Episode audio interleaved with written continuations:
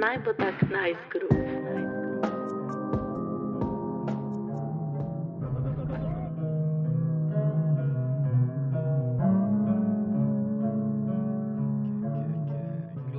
Ja, živijo v drugem podkastu ta teden in zdaj jih nekaj časa ne bo. Ampak ja, hvala vam za to popotovanje, hvala TEDx University of Ljubljana za to popotovanje. Mi sicer še imamo en final egg za nares pol maja, ampak zdaj le s to epizodo se zaključuje drugi del sodelovanja s TEDx University of Ljubljana in uh, ja, je bilo kar popotovanje. Današnja gostja je Maša Smajila, študentka na medicinski fakulteti, v tretjem letniku je trenutno. Je pa za svoj govor zbrala eno zelo osebno temo in že sam za pogum si zasluženo nagrado. V bistvu nama z necem vsebina govora ni znana, ne veva, o čem točno bo govorila, sam tako, kako bi rekla, en tak oris nama je znan. Mm, zato tudi mene že izjemno zanima.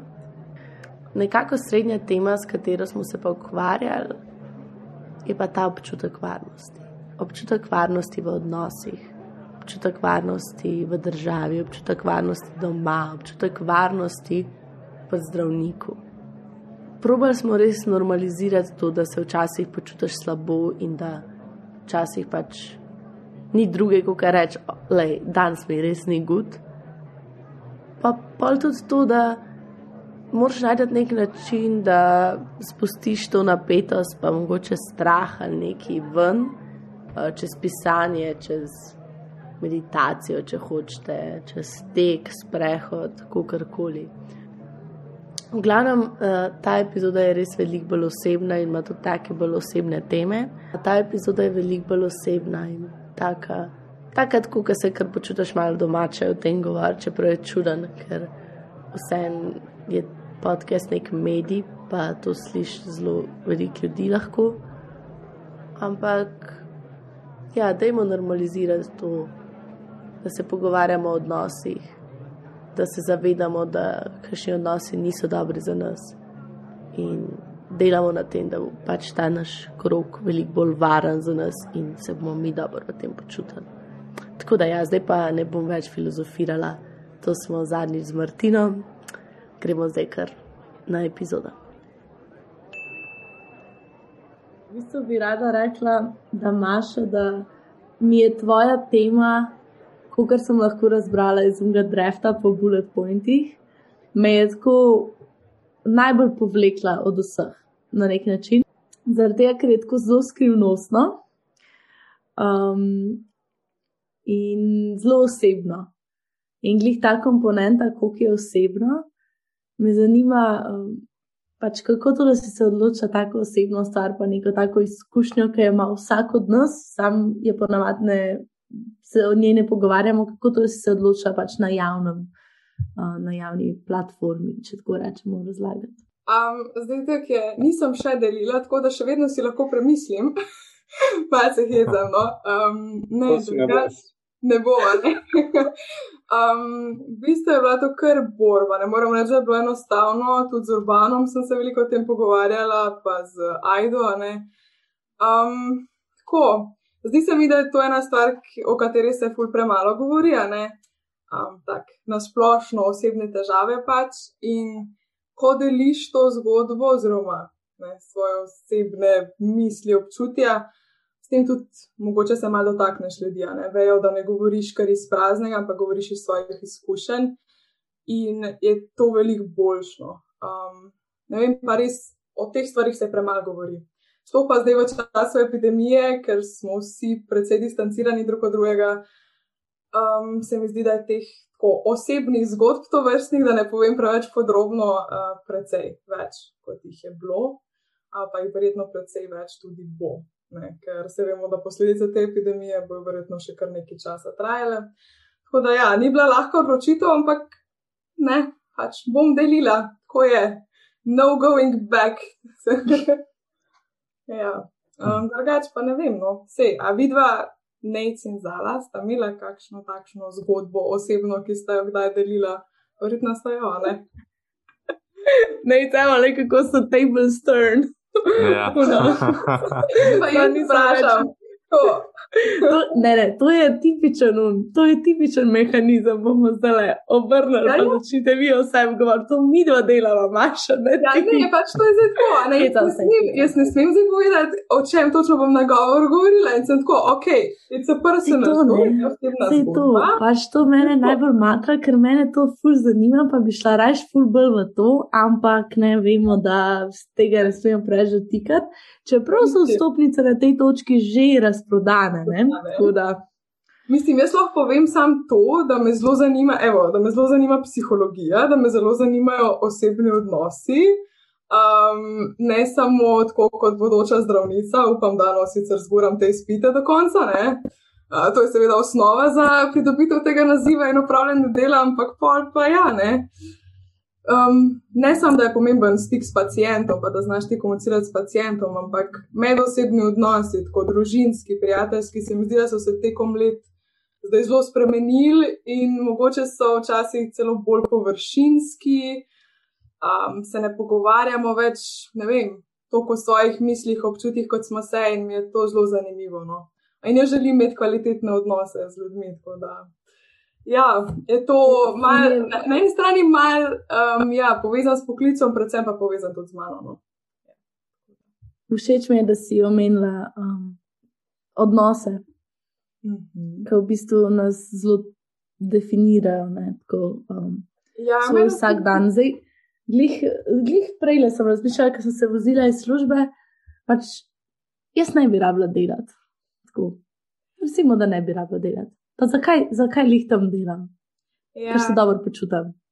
Imaš dobre odnose Pa- s kolegi, oziroma sodelavci takrat. No. To, ampak pa sem pa hodila reči, da pa, pa ne vem, mm, če se bomo šli takoj, bo po mojem fulaže, če, če smo vsi dosti odprti, pa pač Okay. nimamo neke barijere, ampak si pa rečem, a je pa to, to odnosov, kar jaz rabim v enem dnevu. Če je delovni dan, recimo tam, da je ne petih, pa zato se začnem v osmih, pa potem prijem domov, pa ne skočim na en tak klic, kot je to, pa recimo, da ne bi se mi nekih osebnih stvari pogovarjali.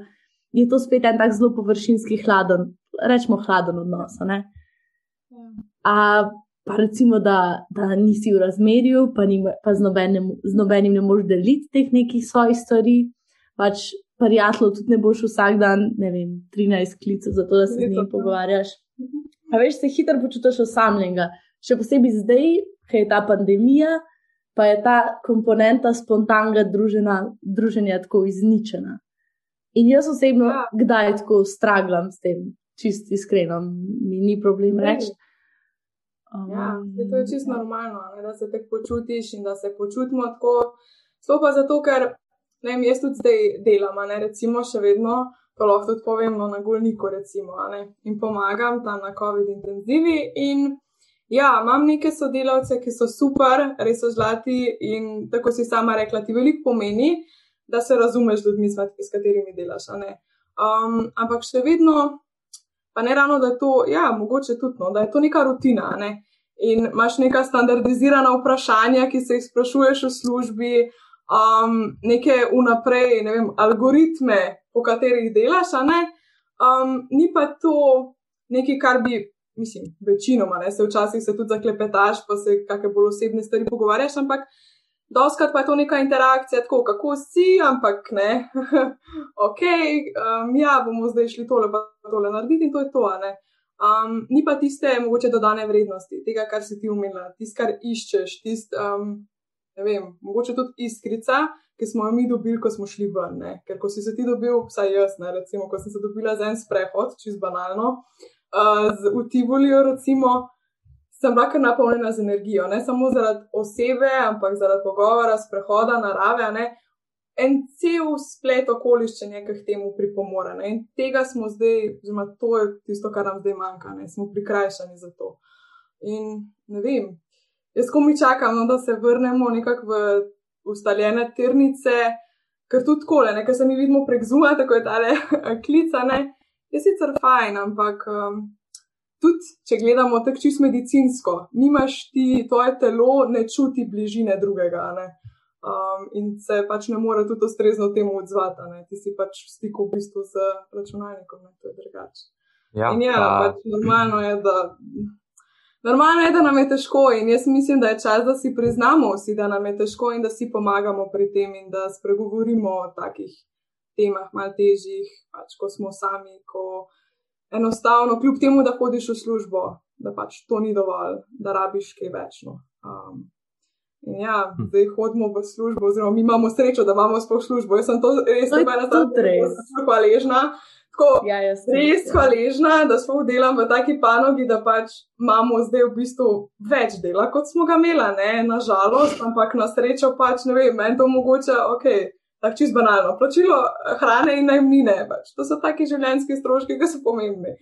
In um, ne vem, sem po eni strani srečna, po drugi strani um, pač vem, da je situacija grozna, želim, da se izboljša tako ena mešanica občutkov in misli. In, Ja, močnik vrtiljak, iz katerega upam, da bomo vsi skupaj enkrat v bližnji prihodnosti malo se stopili. Ja. Mm ki smo jih prej, uh, ki si omenila, se pravi to, da je prek zaslona ne, ta pogovor. Yeah. Ja. Um, jaz sem jih zdaj poslušal en, en podcast o, o hormonih, o testosteronu, o feromonih um, in kako v bistvu, ja. recimo, na. Um, tam je bilo specifično omenjeno za neke, uh, se pravi, uh, seksualne izkušnje, ampak um, okay. v bistvu lahko za karkoli to um, rečeš, v bistvu mi ljudje spuščamo določene feromone, Res, ja. uh, ki jih pač tako ne moreš zaznati. Um, ampak ampak mi nekako, mi nekako um, se nam določeni hormoni začnejo spu, uh, spuščati v kri, takrat, ko, ko, ko se nam neki, ko neki vidimo ali pa ko neki zavohamo. Uh, ful mi je bilo zanimivo. Uh, in to moraš tako v sebi tu uživo uh, v stiku z osebo, ne, da sploh lahko te feromone uh, uh, v bistvu zavohaš. um, ful je zanimivo, uh, se pravi, dojenček. Uh, specifično je bil v podkastu omenjen dojenček in uh, kako recimo moški, uh, ko je oče tega dojenčka, um, kako je recimo. Uh, feromoni, ki se sprostijo pri očetu, takrat, ko zavoha uh, tisto, uh, se pravi, neko baje, nek von kože od svojega dojenčka, uh, se določeni feromoni spuščajo in to bo dal očetu oziroma njegovemu telesu od očeta vedeti, da zdaj lahko, um, da mu ni več treba biti nekako tako fit v nekem smislu. In takrat bo začel nek dead body, uh, se pravi, de, um, dead body uh, dobiva. To mi je ful zanimiv. Uh, in če pa recimo ti to odstraniš, uh, da, da ni te uh, vizualne interakcije, oziroma da pač ne more uh, oče vohati otroka, se pa to ne bo zgodilo uh, so bile dejansko študije narejene um, in je ful zanimivo mi to. Tako da tudi sklepam, da je nekaj tazga pri takih pogovorih, ne? da so verjetno neki feromoni uh, ali nekaj takega, ja. ki jih mi ne dobivamo. Ja, to sem jaz isto, ja, to sem drugač mislila, omeniti ga ful dobro, da si to rekel. Um, je pa res, mogoče zdaj, ker si na to napeljal, je tudi evolucijsko drugače, zelo normalno to, ne? ker če si ti predstavljaš, Vem, zdaj, ko si rekel na primeru moškega. Ne? Najprej iščeš svojo partnerko ne? in kot ne, ti evolucijsko želiš, da se tvoji geni prenesejo naprej na potomce, če se tako zelo izrazimo. Uh, in želiš biti fit, zato da tudi najbolj optimalno partnerko zase privabiš, zato da bo dobra genska kombinacija in da se bo to na tvoje potomce preneslo. Ne? In želiš, da ne, imaš mogoče malo več izbire ne, in da bo ta kombinacija najbolj optimalna. Tako da v tistem pomenu, oziroma v tistem trenutku, skrbiš za ta fit body, kako si ti rekel. Ne. Potem, ko pa tvoja partnerka zanosi ne, uh, in rodi, ne, si pa ti to svojo funkcijo nekako pravo in je zdaj čas, da skrbiš za otroka, ne skupaj s svojo partnerko. Tako da je to nek logičen proces. Najprej, ko iščeš samico, mora biti najbolj fit, potem pa, ko ima ta nekega potomca, tako če se zelo, to moče malo neosebno, no, ampak tako tudi v živalskem svetu, ne, a, pa potem skrbiš ne, za svojega mladiča. To je čisto normalno. Pa ja, feromoni so tisti, ki te sproščajo in tudi so nekako krivi zato da ne vem, ti je ena punca ali pa en fant simpatičen, ne pač odvisno zdaj, um, ali imaš punce, ali imaš fante, pač kako si usmerjen, um, ali pa ne, ne. To je taka zelo zanimiva tematika. No, to sem tudi jaz malo raziskvala, no, zakaj, zakaj mi nekdo ali pa um, punca všeč, fant, no, ali pa ne. Da, ja. Zanimivo. Mm. Urban. Urban. Povejte. Jaz te poslušam, ker so zelo zanimive teme.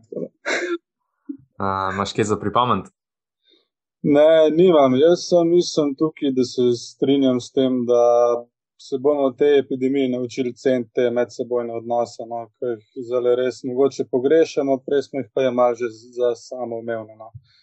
In to so te uh, banalne stvari, recimo odnosi s prijatelji, partnerski odnosi, odnosi v službi, pač res imamo lahko srečo, da imamo službe in pa tudi imamo lahko srečo, recimo jaz osebno, da imam partnerko, da imam prijatelje, s katerimi se še vedno lahko dobivamo. Uh mhm. -huh. da, take stvari se bomo, po mojem, naučili ceniti in uh, spoštovati, kar se je prej začelo zabrisovati. No, nekako smo dajali kariero v spredje, pozabili smo ena na druge in se začeli oddaljevati na drugega. No, ja. En, enih odnosov, ki pa nisi omenil, uh, so pa mentorski odnosi. To, in, to. in um, se pravi, če, če vaju nekako malo bolj formalno še predstavimo. Uh, Sprav, uh, Maša, uh, ti, si, ti si ena izmed uh, govornic na, na letošnjem TEDx University of Ljubljana, Urban, ti si pa njen mentor. Uh, S tabo smo, smo že imeli uh, pogovor v eni izmed prejšnjih epizod, uh, je imela Zala, uh, pa jeste se neki uh, določenih zgodovinskih tem uh, pogovarjala. Uh, to bi sklepal, da meni bilo ful zanimivo sodelovati v tem pogovoru. Ja, lahko se še um, kdaj dobiva, rečemo tako. ja. Um, tako da, ja, me zanima, kako je, recimo, kako je bilo vama, kako vama uh, deluje ta mentorski odnos. Wow, ok, um, kako pa ne zdaj to opišem. Um, zanimiv, mi da se zelo ujamemo tako. Točno na tistih točkah, ki se moramo. Pač, naj, najni um, tile reka, pogovori, oziroma sestanki, izgledajo tako, da se 40 minut menjava o krajni zadevah. Imamo pa tako, ene 10 minut imamo kakšne vaje, pa tako, pa tistih resnih zadev, ampak večinoma se pa tako pogovori ja, o odnosih, o družbi, o njegovem delu, o mojem delu, kako sva in tako. Tako da imamo, um, mislim, meni je najmanj odnos zelo všeč. Pa vada sva sproščena, tako, točno na tistih stvarih, ki moramo. Pač se ne sekirava, stvari bojo šle in bojo tekle tako, kot morajo, to je to. Um, ne vem, si zaupava, tako da sem fur zadovoljna. Hvala, Orman. ja, nekaj imaš, ali jaz se tle strinjam, jaz sem bolj tak. Um, nisem une zategnjene sorte mentora, ne? jaz sem bolj tako sproščen, da dam neko svobodo govorniku, naj se pač uh, sam zmotivira, ker se mi tudi zdi, da preveč naučeni govori, preveč naučene geste. Uničijo pa sam govor, no, na sam nastop. Tako da mi je nekako važna ta sproščenost no, in da se tudi uh, do določene mere, seveda, lahko zaupa um, meni, da ji lahko jaz pol pomagam, da se tudi počuti sproščeno, no, ko nastopam, da nisem zdaj preveč nek kritičen, pa nek, ne vem, kaj za tega, ker nima smisla to. Hmm. Ja, ne, meni je to, ja, to je res. Ti si bil točno tak, ko sem jaz začela ta govor pisati, ne, sem pa vse en malo nesigurna, tako je Zala prerekla, nekako sem se odločila, da bom delila. Pač nekaj del mojega govora je seveda ta osebna zgodba, ki je fejs pomemben del, no, mislim, tako, da pritegneš um, poslušalca, pa da pač vidi, da ne imaš osebne izkušnje tem, um, o čemer pač govori. To je zdaj tako, ko, ko ena, um, ne imaš, kako je vrele, kaše. Ja. O nečem bom govorila, in bla, bla, bla. ampak ok, no. Um, mi je dosti pomagal, pa tudi pol. Um, znaš, pač znaš si dati komentarje tam, ko je bilo potrebno. Pa jaz se tudi strinjam, moj govor je tak, da um, ni dobro, če preveč naučen. Tudi jaz, meni ni ravno prijetno zdaj ga desetkrat ponoviti, če sem iskrena. No? Tako da um, imam raj, da ohranjajo vsaj kanček sproščenosti. No? Je pa tudi bolj iskreno vse skupaj. Ja. Ja. Še posebej, ker so to neke osebne zgodbe, res ni neke poante potem tukaj, da je to močno naučen govor, in, in tudi te v bistvu čisto ne bo pomagal. Ne? Uh, na koncu bo samo manj pristno izpadel, če se res fino prepraviš. In sem jaz nasploh, na glede velikih govorov, je tako. Pa ne bo to nek, neko, neko biznis tekmovanje, neko, nek zagovor diplomske naloge. Itak, ja. Če si sam zadevo res naredil, ne, ali pa si to dejansko doživel, potem ti tako govoriš tako iz, iz, iz svoje izkušnje, kot da bi pač svojemu kolegu razlagal, samo pač malo bolj uradne besede uporabljaš ali kaj tasga.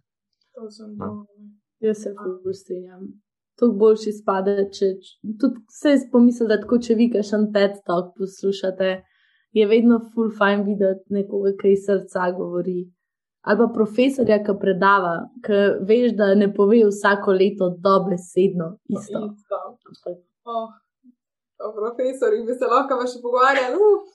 Ja, to imamo izkušnje. Maš, bom tako rekla, imaš profesore, ki berejo s prosojnic in imaš profesore, ki dajo celega sebe in svoje izkušnje znotraj predavanja in ostaneš z odprtimi usti in se tako, daj mi še, povej mi še več in to je to. Um, ja. Sicer je to vse en drugače, nekaj deset minut, ampak ja, upam, da bom vem, premaknil na koga in se ga dotaknil. Tako, to je moj namen. Tako da bomo videli, ne? se pustimo presenetiti. Hmm. Te smemo vprašati, ali si se sama prijavila na TEDx University of Ljubljana ali te kdo drug prijavil? To, sploh, evo, to je tako vprašanje, ki me tudi ful zanima. Mene je to zelo srbelo in me še srbi, ker pač ne, itek da ne, ne, jaz sploh nisem, mislim.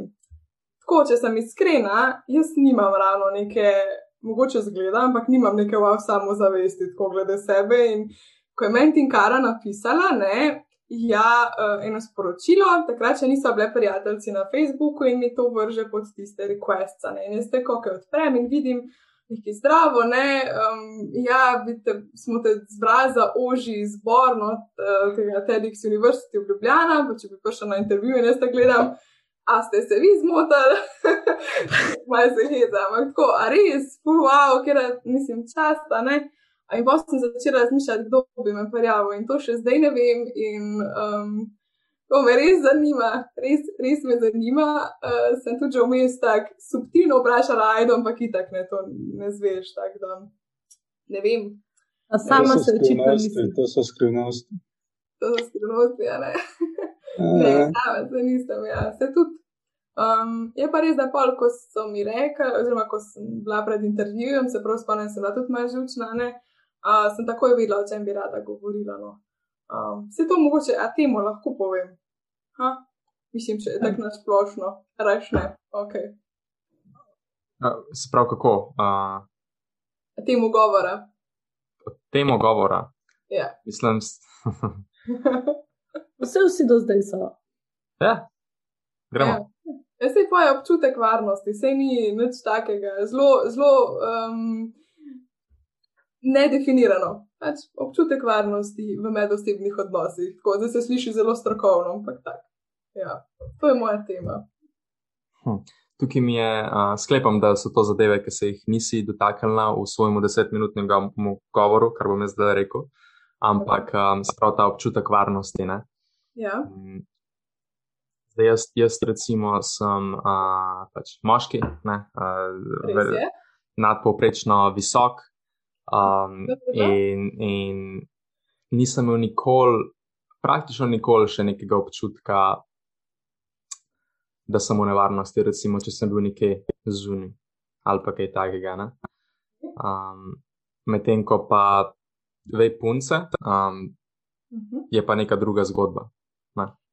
Zdaj, tukaj moraš en ločiti, da imaš dve komponenti. Okay.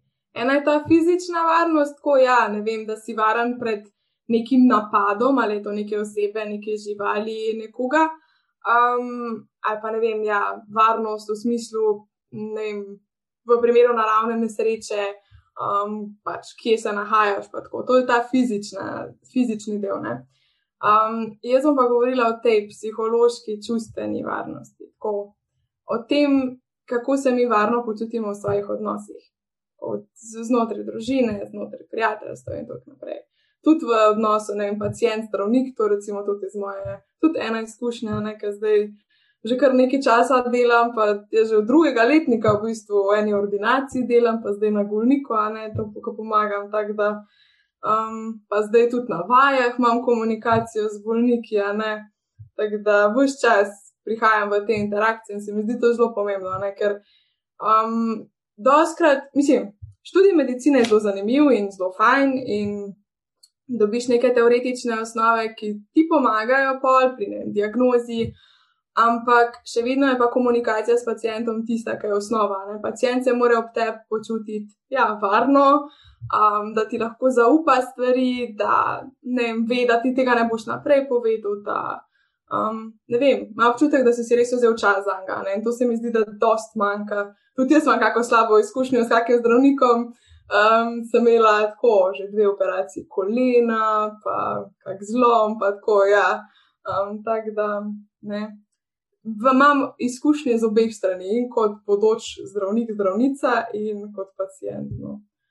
Da, ja, jaz sem, tu sem se moč malo zašla, ampak tako, o psihološki varnosti, no, sem predvsem uh, mislila, ampak ja. Hmm. Pa že, že veš ti, zakaj se boš specializirala? Uh, dobro vprašanje. To je tudi ena zgodba, drugače. ne sem... povezana z govorom? Ne, ne povezana z govorom. Ni Super. Ni Super. ne, v osnovni šoli sem jaz poželela seveda splošno medicino in potem um, specializirati ali onkologijo, to je pravi zdravljenje bolnikov z rakom, ali pa dermatologijo. In pa jaz grem v srednji šoli, tam v tretjem letniku, sem šla v celski bolnici tako prostovoljka se pogovarjati z dejansko z bolniki z rakom. In jaz ugotovim, da je to za mene pretežko in da pač jaz to ne morem biti. Tak, to je, mislim, fulje bilo lepo, fajna izkušnja, ampak to je res zelo težko. In zelo težko greš, vsaj jaz mislim, jaz nisem oseba za to, da bi šla domov in tako reče, da ne bi imela službe v domače odnose. No, to je res težko.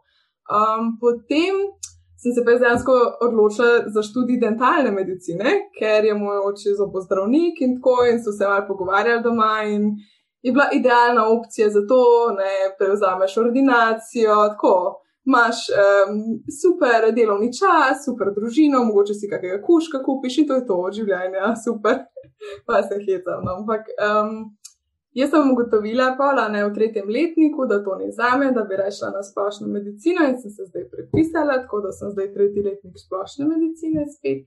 Um, tudi zato jo želim um, videti malo več svojih sošolcev, ker pa zdaj nobenega praktično ne poznam zaradi epidemije.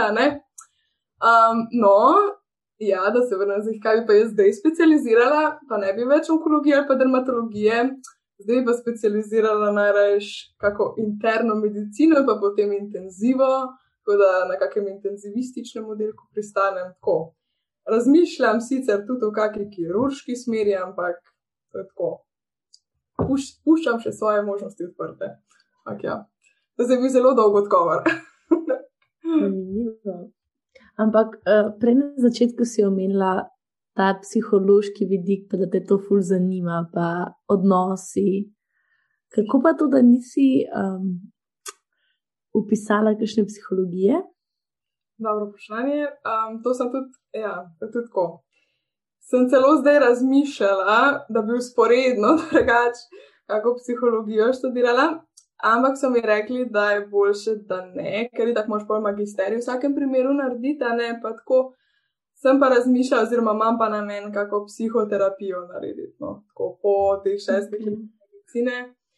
Pa ja, tuk, ok, ena specializacija, ki pa nisem omenila, je pa seveda tudi psihiatrija.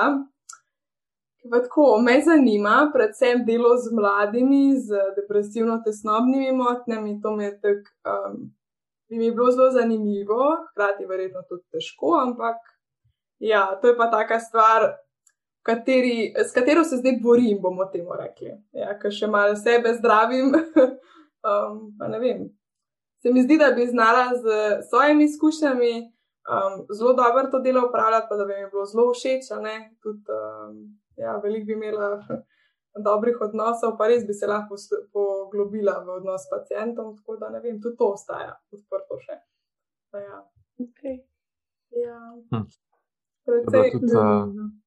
tudi uh, moja, moja nekakšna prva želja, tako kot sem resno recimo, razmišljal o poklicih. Ne, to je bil recimo, zdaj rekel, drugi letnik gimnazije, um, mhm. ker sem se res prvič tako malo bolj zamislil in, in sta bila pač ali, ali, ali se pravi, ali uh, psihiatrija ali pa uh, psihologija. Uh, med tema dvema zadevama sem koleb. Ampak uh, ja, potem sem pa uh, diplomiral iz računalništva. ja, ja se lahko, ok, drugač, tako. Um, kot računalničar lahko povežeš to z psihologijo, pa ne vem, to, sem, to bom zdaj mogoče malo v temo bolcem, ampak ne vem, narediš kak app, ne vem, neko aplikacijo za mladostnike, za samo pomoč, ne vem, to je tako.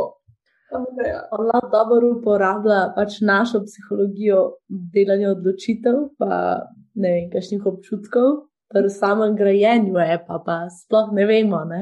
Ja. Shopify master. Ja, ja uh, načeloma je, je full velik te neke psihologije, da že samo ti predvidiš, kam bo recimo nek uporabnik tvoje aplikacije ali pa spletne trgovine, kam bo gledal ne, kje, kje želi imeti določene gumbe in vse to. In to moraš ti predvideti ne, in moraš uh, sproti spremenjati, glede na uporabnike. Tako da je nek, uh, nek vidik psihologije tukaj vključena. Ne. Ampak nimaš pa ti nekih teh globih pogovorov um, s temi ljudmi. Ne. Tukaj je pa potem pač psihologija oziroma psihiatrija. Uh, to je bilo meni že tako od. Ne vem sicer zakaj, ampak uh, vedno mi je bilo ful zanimivo se pogovarjati. Um, človeški um je vedno, kako se reče, uh, bodril uh, duhove, kako se temu reče. Ja. Vsi so. Odgovor. Ja, ne, res, vsi so se vedno spraševali, kako mi delujemo. Um, Freud je bil eden izmed teh očetov, ki je podzavest preiskoval in tako. Ne, to so vedno bile tako zanimive stvari, da ni čuden. Pa še vedno, kaj že reče, nikoli ne reci, nikoli pa nič da nikoli ni za nič prepozen. Tako da še vedno se lahko upišeš na psihologijo, zakaj pa ne. Um, za psihiatrijo sicer, če se ti da šest let uh, medicine delati in potem to specializirati, zakaj pa ne. Uh, Kar koli. Ampak človeški je res tako. Um... Smešen je nekaj, vsak od nas ga ima, pa uporablja, ampak nikoli ga ne bomo dognali. Saj jaz mislim, da ga ne bomo nikoli dognali do konca. Ja, se tako je z velik strmi. Drugače, tako ena, en tudi, ena lekcija, ki se jo naučiš, ko študiraš medicino, je, da imaš zelo malo stvari, ki jih veš 100%, oziroma neč praktično ne veš 100%, pa veliko bolezni imaš, ki veš, kako nastopijo, pa ne veš njihovega vzroka, pa ne veš čist, kak jih zdraviti, in pa si tako, oh, well. ne, tako da tako je, ne? pač mi pravimo nekako razumeti svet okoli nas na vseh možnih frontah, ampak čisto celoti ga pa verjetno nikoli ne bomo mogli. Ne? In to je tudi ne, na en način čar tega. Sem se tako poetsko uh, izrazila, ampak ja. ja lepo. Kaj pa, kaj pa je, recimo, kaj se pravi, si, uh, si omenila, da je pogosto, da se ne ve nek vzrok za neke bolezni, ne? in potem edino, kar znamo, je mogoče, da znamo uh, tretirati kakšne simptome. Um, uh, kakšno je pa potem tvoje mnenje o določenih vejah uh, alternativne medicine? Uh. ja. Recimo, ja, ker pač se pravi, niso, ni, ni nekih, uh, ni velik študij, ne, narejenih. In, um, Yeah, ja, Ampak imaš situacije, ko so to neke, mm, ne vem, ko imaš kakšne uh, medosebne pogovore s temi osebami, ki so pač šli čez neki tasga uh, in zelo pozitivno o tem govorijo, in se njim zdi, da jim je pač to rešil življenje. Okay. Um, in tako, ta, tudi, pa tudi če je to placebo. Um, yeah, ja, kaj, tako, nasploh me zanima, kaj je tvoje mnenje o tem. No? Ok, drugač placebo efekt je en efekt, ki ga ful premal, mislim, ki ga mal podcenjujemo v medicini, se mi zdi. To je tako, ok, to je čisto moje osebno mnenje, prosim, če bo kdo poslušal to, ne me citirati, hvala. Ampak, um, ja, um, tu če samo placebo, kom reka, tukaj pod alternativo rečemo, ne vem, homeopatija, recimo, je zelo taka metoda alternativna.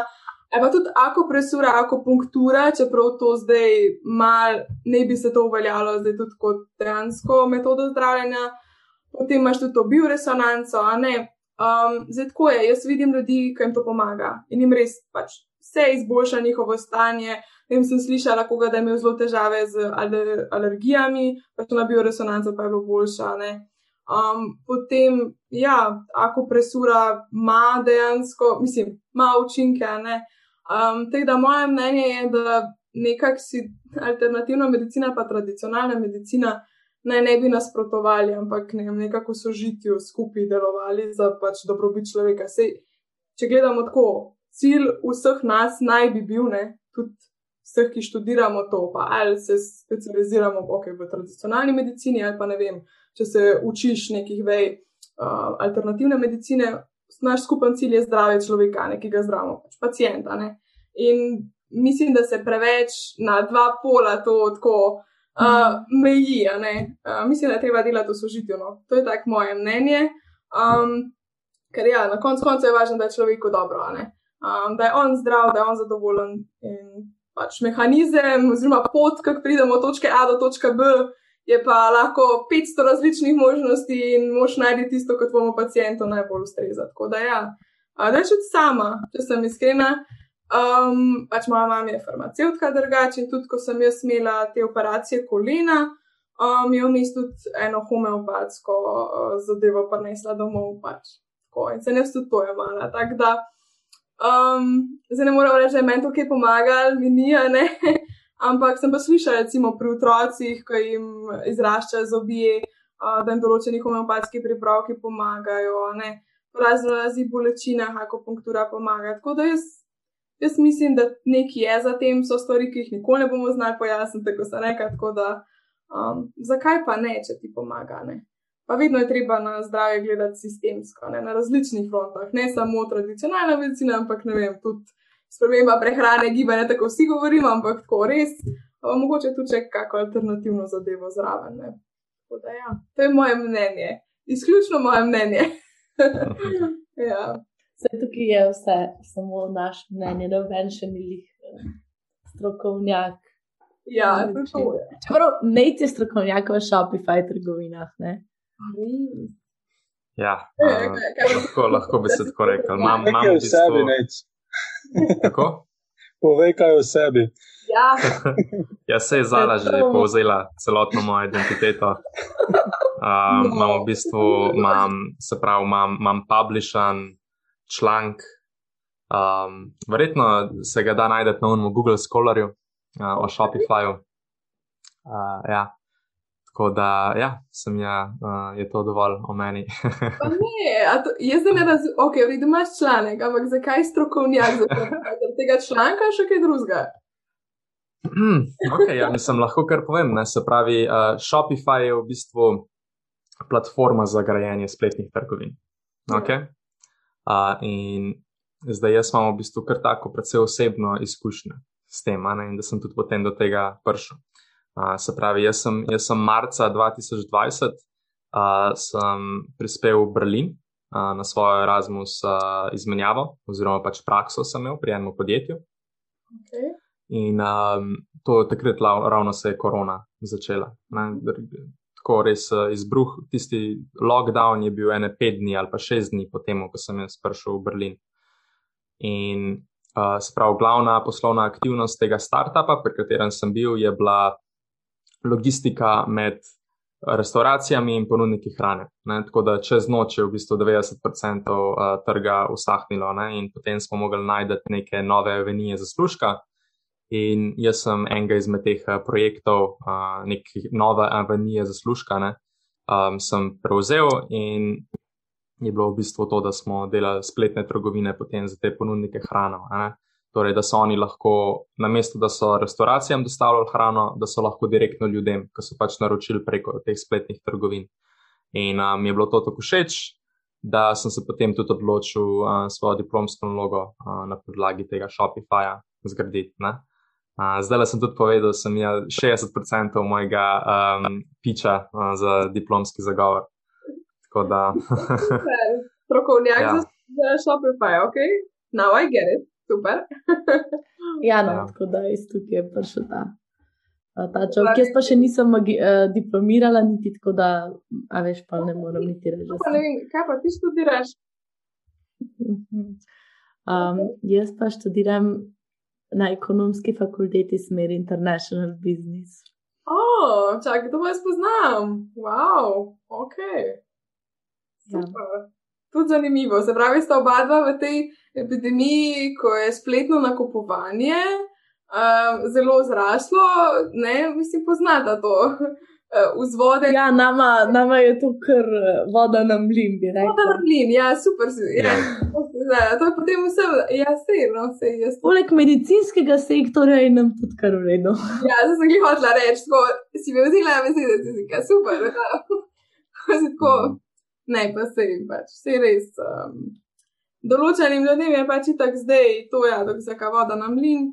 Je pa res, da pač vsem si upamo, da se bo to čim prej končalo, pa da bomo lahko šli na kakšno kavo v miru. Nekak, ne vem, veste, kaj jaz mm. pogrešam, plesanje. To pa res pogrešam. Plesanje. Kaj je po klubi? No, ali... se, se vidimo na plesišču. plesišču uh, ja, tudi v klubih, ampak na splošno tako. A ne vem, tudi imel si, čaki, ki je tam na Viču, en bar, kjer si imel tudi salsa večer. To, to ja. je pa uh, moj domači teritorij. No, evo. A si hodila ob sredah na salsa večere? Poznam, bila sem samo na enem, drugače. Ampak zdaj, ja, veš, tudi ti se ne, jemliš za samo umevno, vse vsako sredo, ne, si ni panike. Si pa tega ni. Mm. Zato jaz bi bolj šel. Te srede so full fine v sputniku. Verjamem. Upam, da jih bojo še ohranili, če ko se odpre. Ja. ja. Ampak, eh, če se mogoče malo vrnemo nazaj na te odnose. Okay. Kako smo šli mogoče iz malo bolj, mal bolj uh, prej lepo rekel, urban, karjerno usmerjenih biti, da nas je to predvsem je bilo bolj v ospredju za vsadzga. Pa smo pa nekako ugotovili, da se vse, se zunanji svet ustavi, da na koncu dneva je vse, kar imamo mi, pa odnosi z drugimi. In zdaj mogoče Maša bi eno tako vprašanje. Ampak kako pa ti definiraš dober odnos? Ali pa, a veš, kaj, kaj čutiš takrat, ko imaš, kaj bi rekel, da je dober odnos? Um, tako je. Pri meni je to zelo povezano z neko sproščenostjo, pa zaupanjem na splošno. Ampak kaj se zdaj s to razlagam pod tema dvema terminoma? To, da pač si ti tako sproščen z osebo, da vem, se znaš spodbujati in pač pokritizirati na nek spoštljiv način in da rasteš skupaj. To je taka zdaj, moče zelo popularna zadeva zdaj, no, ko vsi govorijo o osebni rasti, pa duhovni rasti in tako, ampak dejansko jaz vidim, zato, ko imam, recimo, jaz imam eno operateljico, ko se res že iz vrca praktično poznava in Um, jaz prav vidim, kako je naj en odnos rastu in kako si zaupava stvari, in tudi ne in tudi nama ni nerodno no, povedati, kako kera naredi kaj, mogoče malo manj v redu, ok, in si znava to tudi povedati in pač se nekaj naučiti iz tega. Um, tako da ja, pač meni je definicija dobrega odnosa to, da si res lahko to, kar si. Da ne rabiš skrivati vem, in svojih slabih dni, in da znaš uživati v dobrih dneh uh, z družbo. Tako zelo, zelo, zelo sicer eh, mogoče tako lepo rečeno, um, ali pa vegli mogoče tudi, ampak ja, jaz se počutim pomirjeno. Evo, to, to ko sem vprašal, kako se jaz počutim, zelo globoko osebni mir. In to je meni tudi ena izmed stvari, um, ko spoznavam nove ljudi, ki jih želim občutiti. In če jaz nimam miru, to ni za me. Tako, to je zdaj ravno, ker sem spoznala nekoga, um, pač eh, enega novega kolega sicer super, ampak ne, jaz vidim, da nimam tistega svojega osebnega miru in vem, da to recimo ne bi moglo biti ne vem, neko dolgotrajno, um, zelo kvalitetno prijateljstvo. Ne. Uh, rabim ta občutek zaupanja, ta mir osebni. Um, pa ja, da ti ni problem govoriti o svojih težkih trenutkih, no, ali družinskih, ali osebnih, um, da znaš iti skozi neke pace tudi. No. Um, da ja, to. Mene zanima tudi, kako ta mir. Ja, prosim. Ta mir mi je fulušeč. Ja, jaz znam. Tukaj velikrat iščeš v teh odnosih, veš, tak nek excitement, tako, da se dogaja, pa je pam, pam, pam. Sam potem pa to, se pa usedeš, pa umiriš. To se zelo hitro sprazne. Tako. Ker rečejo, da nekdo visoko leta nizko pade, tako je podobno tudi pri teh stvarih. Zato tudi, recimo, pri zaljubljenosti, ne?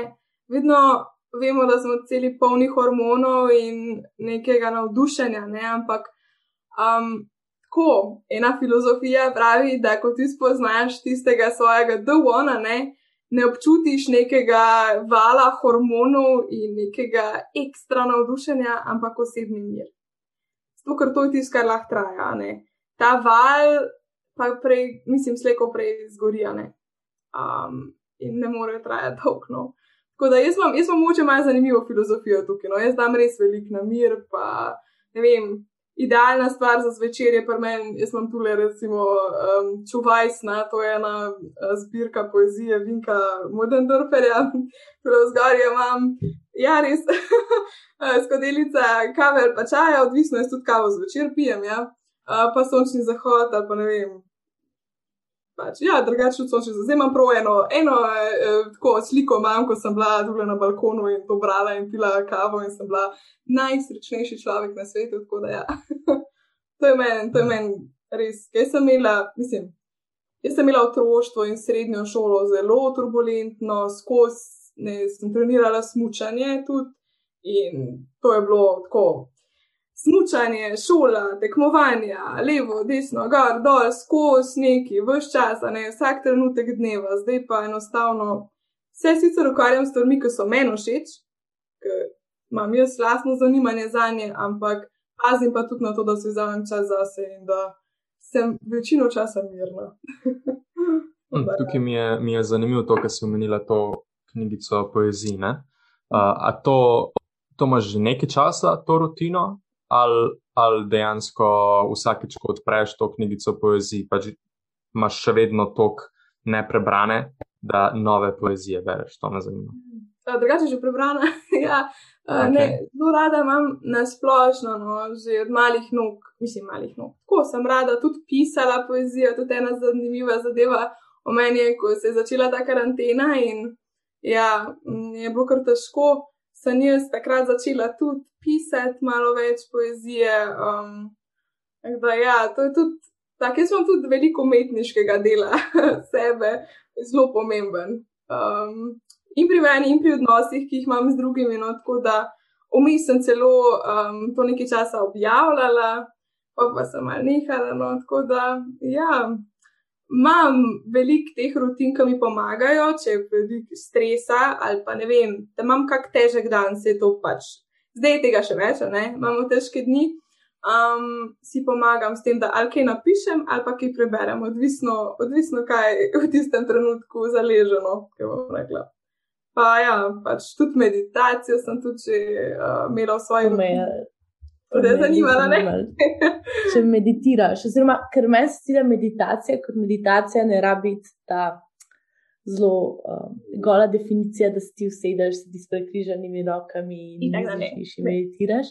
In me zanima, mogoče, kaj, kaj imaš tako ful kaotičen dan, kaj je uno. Uh, dan, kaj te pomeni meditacija? Danes zjutraj, pred pregledom pacijenta, ko sem čakala na oddelku, in se probala pomiriti. Kaj sem naredila? Evo, postala sem se obzid in sem zaprla oči in točno to sem naredila. Za dve minutki sem probala, pač, pa res, to sta bile dve ali pa mogoče pet minut, ne se pa pozabiš na čas, ampak ja, sem mal zmeditirala. No. Tak, mislim, tako si reka sama, ne rabiš za to imeti, ne vem, zadimnega prostora, po turško sedeti in da jim mogoče celo kako mantro govoriti. Ne rabiš, sicer sem jaz to počela, uh, ko sem bila doma, ampak ne vem, čisto odvisno, kaj ti takrat paše. Ampak ja, recimo danes, pač brez vsega tega, uh, zato da sem se pomirila in dejansko sem se. Tako da je bilo uspešno.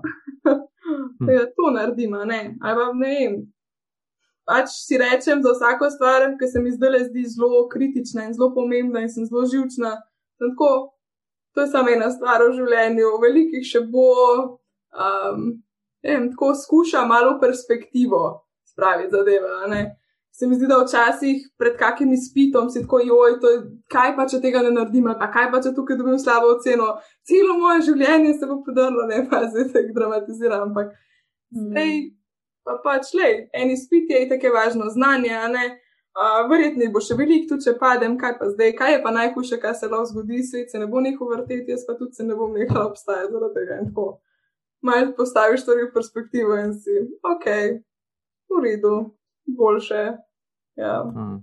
a, pa, a pa opažaš, da takrat, ko imaš recimo, ko si v redu, ko nimaš nobenega, recimo, kaosa, ko imaš pač ta nek uh, mir, ki si ga prej opisovala, da kaj manj uh, se ukvarjaš s poezijo, pa manj bereš, pa take zadeve. Ja, mogoče ja. Um, pa ne, ko je. Um, ha, to je zelo zanimivo vprašanje. Um, manj je pišem, predvsem, ker se mi zdi, da pri meni je poezija bolj tako nek ventil, uh, vsaj na začetku je bil, da ko mi bo res težko, da sem stvari pač spravila na papir. Um, zdaj sem pa tudi sicer manj, ne? se pravi, je manj pogosto, to se strinjam. Um, Imam pa mogoče kako drugačno idejo, ko pišem pesem. Ni toliko samo o meni in o mojih čustih, občutih, ampak vem, tudi o svetu nasplošno, o tem kaosu, v katerem smo, ne vem, um, pač stiskah tudi drugih ljudi. Tako da je mogoče tema se spremenila, pa ja, pogosto stutane. Um, ker te ima lažje. No. Meni je pač zato, ker je meni to bil, ne, na tak način sem jaz pisala. Ne. Verjetno, če ti pišeš, mislim, če nekdo drug piše poezijo, pač o čistih danih zadevah, je pač malo drugačne. Um, ja, je pa mogoče frekvenca branja tudi se malo znižala, predvsem zaradi dela in predvsem tudi zaradi zdajšnje priprave na kolokvije in izpite. Tako da, ja, to, pri, to pride pa, pač ro, z roko v roki, kako že z drugim. Ja, ker um, jaz recimo sam pri sebi pažam, ko v bistvu imam neke, neke sorte dnevnik, oh, uh, digitalni dnevnik, ampak. Um, in zraven si tudi napišem pač datum, kdaj sem, kdaj sem naredil. Ne? In uh, vedno je, se pravi, med kolokviji, med izpiti je bil neverjetno aktiven, um, potem po kakšnih um, takih uh, težkih obdobjih. Uh, tako, medtem ko pa v teh dobrih, jih je pa fulman. Ker takrat se ti pa kratko malo ne da, ne vidiš pointa v tem, nimaš nobene potrebe, kratko trajne, Uh, sicer potem, ko greš pa za nazaj gledati, je pa ful lepo videti, res une, če bi, če bi neko moment, ko si bil res neverjetno srečen, ne? uh, neverjetno zadovoljen, zadovoljen z vsem, kar se ti je dogajalo, da bi takrat recimo napisal nek um, journal entry. Ne? Tega se pač nekako ne dela, uh, ne dela tok. Mi je pa zelo zanimivo, uh, recimo.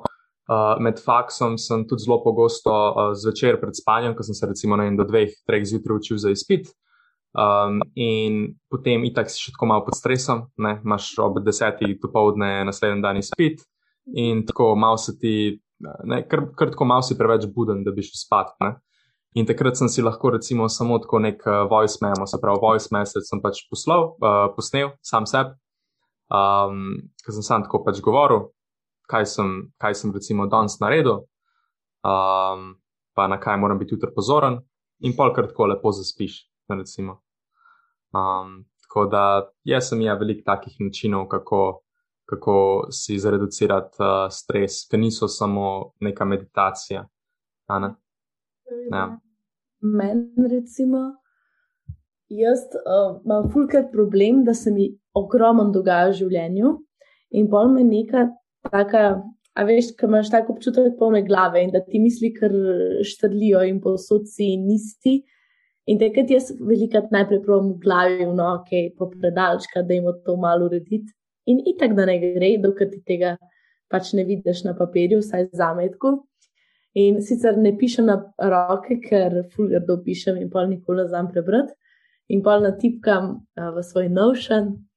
In je tako prav en tak ventilator, recimo, da, mi, da me nekdo fura začara, ali je to nek, neka, neka prijateljica, da se nekaj zgodi, tako da res ni fajn. In pol jaz to razpišem se noter, ti ventil se odpre in pol na koncu sem kratko, ok, ni bilo sploh to grozen. in pol krne, ker je tako. Kaj? olajšate tako. Cool. Si malo lažji, kot da bi dal eno breme iz sebe uh mhm. -huh. na kos digitalnega papirja. To, to. A ste provali kdaj uh, morning pages, oziroma tisto, ki se zjutraj zbudiš, pa tako napišeš svojo nit razmišljanja oziroma misli? A ste kdaj kaj takega ja. provali? Ja, ja Maša tudi kima, urban? Ne. Ne? Nisem. Me zanima, kaj urban počne, da, da sprosti ja. stres. To, ja. to nismo še nič slišali. Urban. Da sprostim ja. stres. Uf, jaz se najraje umaknem v kakšno dobro knjigo. Okay. Recimo prva izbira, um, pa kozarc dobrega vina zraven. Ampak samo en kozarc, ne flašek. Ja, ne, ne moreš več umaknem. Pa se fejst umaknem. Ja. uh, bolj, eh, kakšen sprehod s psom, to mi je tako res uh, jih imam zelo rad, vse in sprehode. Pa tekmo, v teku tudi pozabim na vse dogajanje v tistem dnevu, ko je stresno. Da, ja, to so te tri aktivnosti, ki me sprostijo po napornih dneh. Mm, ja, sprehodi so neverjetno uporabni. Tudi recimo pred izpiti ali pa pred nekimi, uh, ko moraš nekaj pičati, nekaj zagovarjati je se meni zdi najbolj, da greš tako sam na en 20-minutni sprehod. Um, čistko. Kako? Naprimer, pred pičem uh, za diplomsko nalogo, za temo diplomske naloge? Uh, ne, takrat, uh, takrat nisem šel, ker sem bil zelo. Um, ne vem, se mi je, ker toliko časa delaš na diplomski nalogi, se ti zdi potem tisti desetminutni zagovor tako minorna zadeva, uh, ki je realno najlažji del tega, še posebej, če so ti piči blizu. Um, se mi zdi bolj piči, piči na kakih uh, teh podjetniških tekmovanjih ali pa kaj podobnega. Um, ali pa ko predstavljaš nek interni projekt na delu, uh, takrat se mi zdi, da je več nekega, nekega pritiska uh, na tebi. Tako. Okay. Kaj še delaš? Ki pišete dnevnike. To mi je kar zanimivo. Mhm. Urban, ti ne pišeš, ne? Ne, jaz imam pa tako redke momente, ko se pa spravim, da je kakšno pismo napisati. Um, pismo? To mi je tako, ja, ja, ja pismo. Tako, kaki zdaj, ali ga včasih ga pošljem, včasih ga ne, ga sam napišem, ga preberem, ga zbrišem, pa pa se bolj wow. Da, ja. Čakaj, ful dobro. A to imaš šuno, da če hočeš nekomu nekaj povedati in tako ja, nasloviš ja, ja. pismo za njega? Recimo, to je top. Povej, da se nekaj pokaže. A daš lahko nek hipotetičen scenarij? Um, ni treba, da se ti je že zgodil, ampak tako nek scenarij, ko bi recimo ti uporabil pismo za to, da sporočiš neko, neko svoje vem, mnenje ali razmišljanje. Ja, zdaj bom kar povedal eno izkušnjo, ki sem jaz zgodila. To je bilo uh, lani, no, v začetku tega lockdowna. Um, sem imel zelo neko manjšo krizo, ki smo se mogli ločiti. Pač vsak sebe domov, ne svojim staršem, in pač nisem mogel biti v stiku z osebo, ki mi je bila prej uh, zelo blizu. In pol nekako sem mogel tiste vse občutja, čustva zliti na tiste kos papirja, in pol uh, sem se tudi odločil in to zadevo poslal naprej. Zdaj se mi je tako, no, uh, zelo old school zadeva, netipična, pa še mal polepšaš dan tej osebi v karanteni, no, da ne dobi jih mail ali pa če se ta zga, ker se mi zdi, da je bilo preveč teh elektronskih sporočil. No. Da je lepo, če dobiš kaj v kuverti zapakiran. Ja. Ja. Roke, da zjokaš, ali ne smejiš. Wow. Ja, Jaz sem na izmenjavi v Oslu. Uh, sem dobila od tam, sem se z enim mehičanom se fulujela in on je, on je tudi pisal španščino in poezijo. Eli, in uh, nikoli v angliščini pisal in smo ga skozi v naši družbi smo ga mal hecali, če bo nam kaj napisal. In pa na un dan, ki je šel, je ob 4 zjutraj imel ta odhod na letališče in je vsak mu tako uročil listek z njegovo dodeljeno v nosgu, pač pisemce, no, prav pisemca imam tako v okvirjeno zdaj na steni in je nekaj najlepšega, kar sem dobila. Tako. ker vidiš ko besede in trud od nekoga, ki je pač večno na unem papirju. Si drugačen občutek, ja. To me spominja na, kaj že, moja prva asociacija je bila tak, mogoče celo mainstream, The Notebook. Ojoj. ja. Ojoj. Ryan Gosling, Ryan Gosling. Ryan Gosling je, ja, res je. no, hotela sem vam pokazati. Pač jaz, recimo, kdaj um, dosti burno lahko reagiram, predvsem zato, ker drugač sem zelo čustven človek in pol pač takrat, ko čutim, čutim. takrat, ko ne, ne. Ponovadi je tako, ja. No, in pa pač, ker sem slabe volje, ne, ne morem tega direktno skomunicirati s tisto osebo, ker moram najprej samo urediti misli in sploh kako, kako se počutim. In imam napisano, da je vsa ne naslovljena pisma za različne ljudi. Wow. Wow. Tega je veliko, tega je dosti veliko, je že, mislim, okay. je od 2017, tako da lepo prosim. Wow. Je kar nekaj. Mišljala, da bi to zapakirala, pa poslala Ja. tem ljudem. Ne,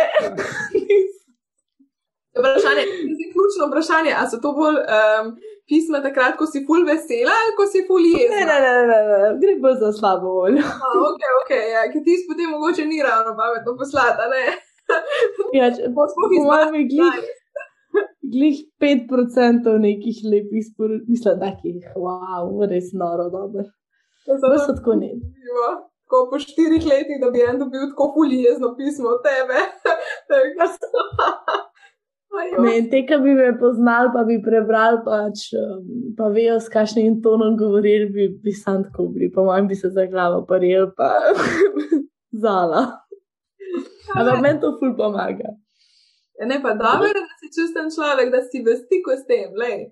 Če bi to zdaj, če bi takrat ona bila fulijezna in potem to potlačila in uh, ne vem, pač kopičila vse, to ne bilo dobro. Tako da bo dobro. Ne, Ne, s kopičenjem nimam, nimam težav, ker, Da. ker procesiram to. Ja. Um, to bolj ni. In pa me to bolj jezi, če kdo drug kopiča, veš, pa so pa jaz tako, pač jaz sem že pozabila, jaz nisem več jezna, jaz ne morem tega držati full časa, pač pri meni mine. Evo, to je snova tudi pristnih odnosov. Povej, kaj čutiš. Drugač. To je tudi ena, evo, ko, se, ko ste me vprašali za definicijo. Da pač, če se počutiš slabo, poveš, da se počutiš slabo. Če si jezen, poveš, zakaj si jezen. Če si prizadet, zakaj si prizadet. Če si, ok, da ne bomo samo negativni, če si vesel, zakaj si vesel, oziroma pač sam vesel. Tako, ne vem, ko si vez, hvaležen, pač rečeš hvala. To mi ful veliko pomeni. Take ful osnove, ampak um, jih zelo radi pozabljamo. Tako da ja.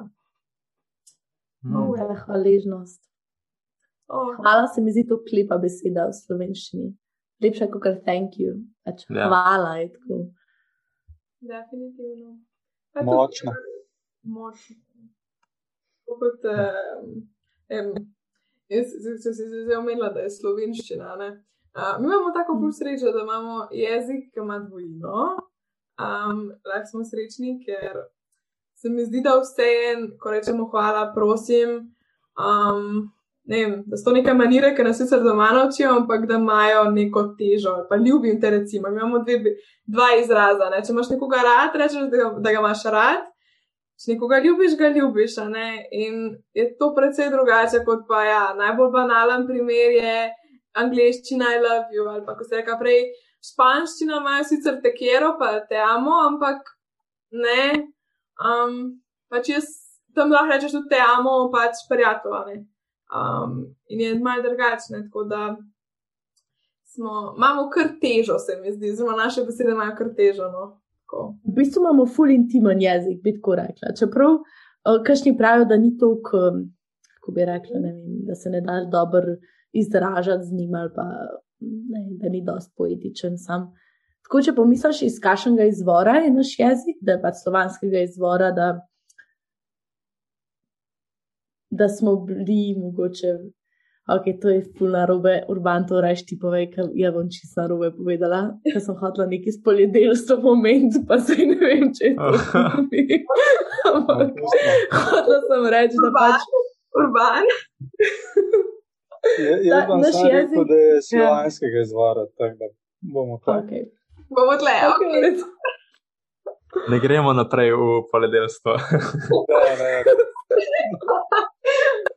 Je pa dejstvo, da smo Slovenci od vedno bolj agrarna družba. No, pač smo kmetje, to se treba ja. priznati. Ja, to. ja. No, ampak, kako smo agrarna družba, kot je to urbano lepo povedal, mm. pač, da imamo toliko intimen jezik, ki ločuje, rade imam in ljubim te, in da poudarek na dvojno. Mm -hmm. Pa lahko pozdravim italijane, ki so fulž romantični, pa nimajo dvojine. Ne? Ja, italijani, pa francozi tudi. Ne? Ja, tudi francozi. Ja, pa so tudi španci, so drugače zelo temperamentni, zelo in sploh. Da, ja, ne, pač. Tako je. Jaz, ki sem bila mehna, sem, ja, tudi, sem vedno hodila v tujino, pa se ozirala za študijem v tujini, pa za tujine jezike. Sicer tuji jeziki so mi, mislim, so mi zanimivi, tudi pač, ok, to bo zdaj zelo smešno zaradi delovanja možgan, tudi, ker več, ko se učiš, hm. več povezav, vsem tako boljše ti možgani tudi funkcionirajo, ampak um, ja, zdaj pa vedno bolj cenim Slovenijo, pa pač ok, slovenščino, pa naše okolje, se počutim tako udobno, varno. Um, varno. Ja, ne res drugač. Um, uh, všeč mi je, da imaš vem, dve uri do obale, dve uri do vem, kranske uh, gore. Če hočeš biti umorsko, isto. Ne? Tako da um, mi je zelo všeč. Pa prej res tega nisem znala ceniti. Mogoče zdaj tudi med korono malo bolj cenim, ne? ko smo lahko malo raziskovali Slovenijo. Um, pa ja. Veš, kako je pri tej stvari. Ne? Tukaj vedno moraš iti eh, nekam v tujino, pa dlje, ko greš, bolj znaš cen tisto, kar imaš doma. Ne? In tukaj zdaj, če rečem, če se navežem še tukaj na zalo, ko si rekel, da ni v navednicah romantičen jezik, pač slovenščina je taka, da če hočeš biti romantičen, se lahko izražaš romantično. Ampak pač moraš vložiti nekaj truda v to, ne? ni, ni tisto italijansko, ki že samo po sebi zveni, pač romantično, ki je tako spevna. Tako da, vse se da slovenščino narediti. Kako se da vse v Sloveniji početi?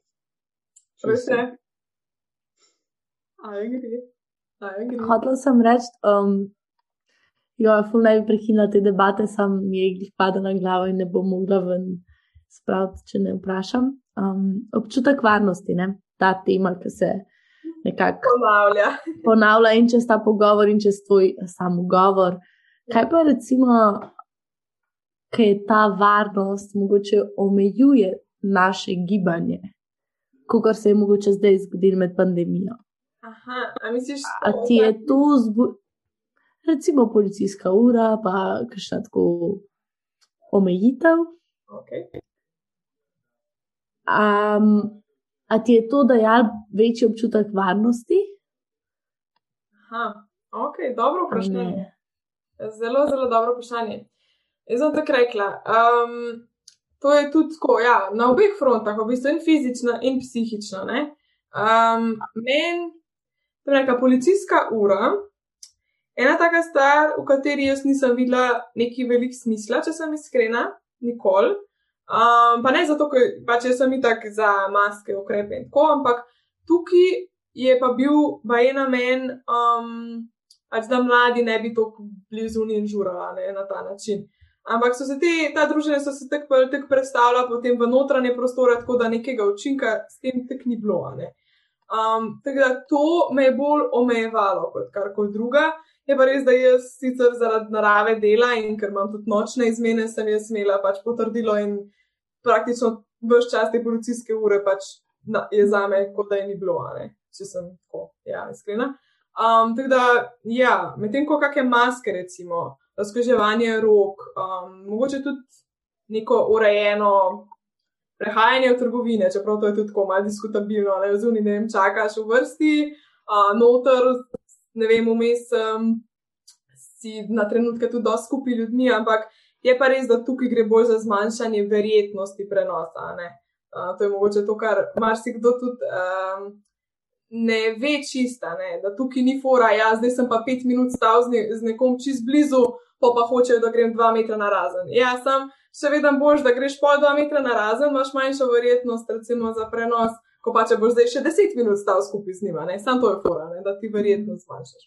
No, skratka, ja, te stvari so mi pa dale občutek varnosti, sploh ko sem šla recimo v COVID noter, v pač intenzivo, grem jaz v celo zaščitno opremo. To pomeni pač plašč, ne, na začetku smo imeli še rokavice, ni trilne, so take dosti debele, pa pač tudi dolge so bile. Um, pač imam ok, eno tako kapo za lase, imam tako pač tisto res orang zaščitno masko, FFP2 ali pa FFP3 se temu reče. Um, pa še vizir imam čez, ok, smo spodaj že svoje očala, no, um, pa še vizir. Um, pa tako, no, um, mislim, tako je zdaj, pa preobujemo se. Um, tako da ta zaščitna oprema je vseeno meni dala nek občutek varnosti, tudi tako psihološko in fizično. Um, sploh zato, ker jaz drugače moram potrkati, ne, jaz nisem prebolela, hvala Bogu. Um, pa sem bila tudi cepljena, ne, tako da se zdaj počutim zaradi teh stvari, ja, bolj varno. No, tako da, ja.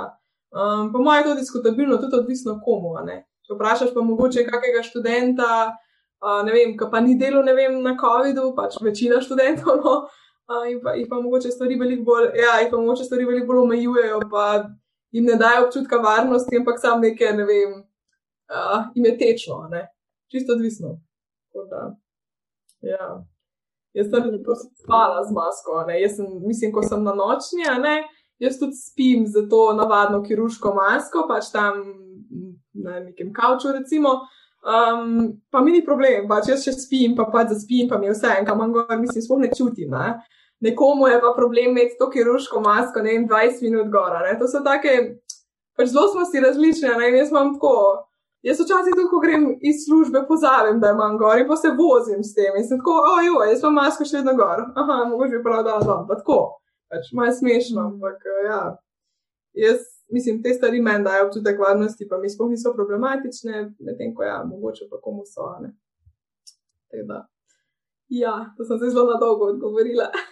ja, lepo. Ja, vem, ja. Vam, mene zanima tudi vam, kakšne so vaše izkušnje. Pa tudi, pač, če ne, um, niso bili fajn. Oziroma, kako ste se, se pa vi prvadili na nošnje mask? Oziroma, če ste se sploh. Hmm. Ja, mislim, mi osebno pa čisto v službi. Um, Težko. V pisarni pač nosimo masko. Um,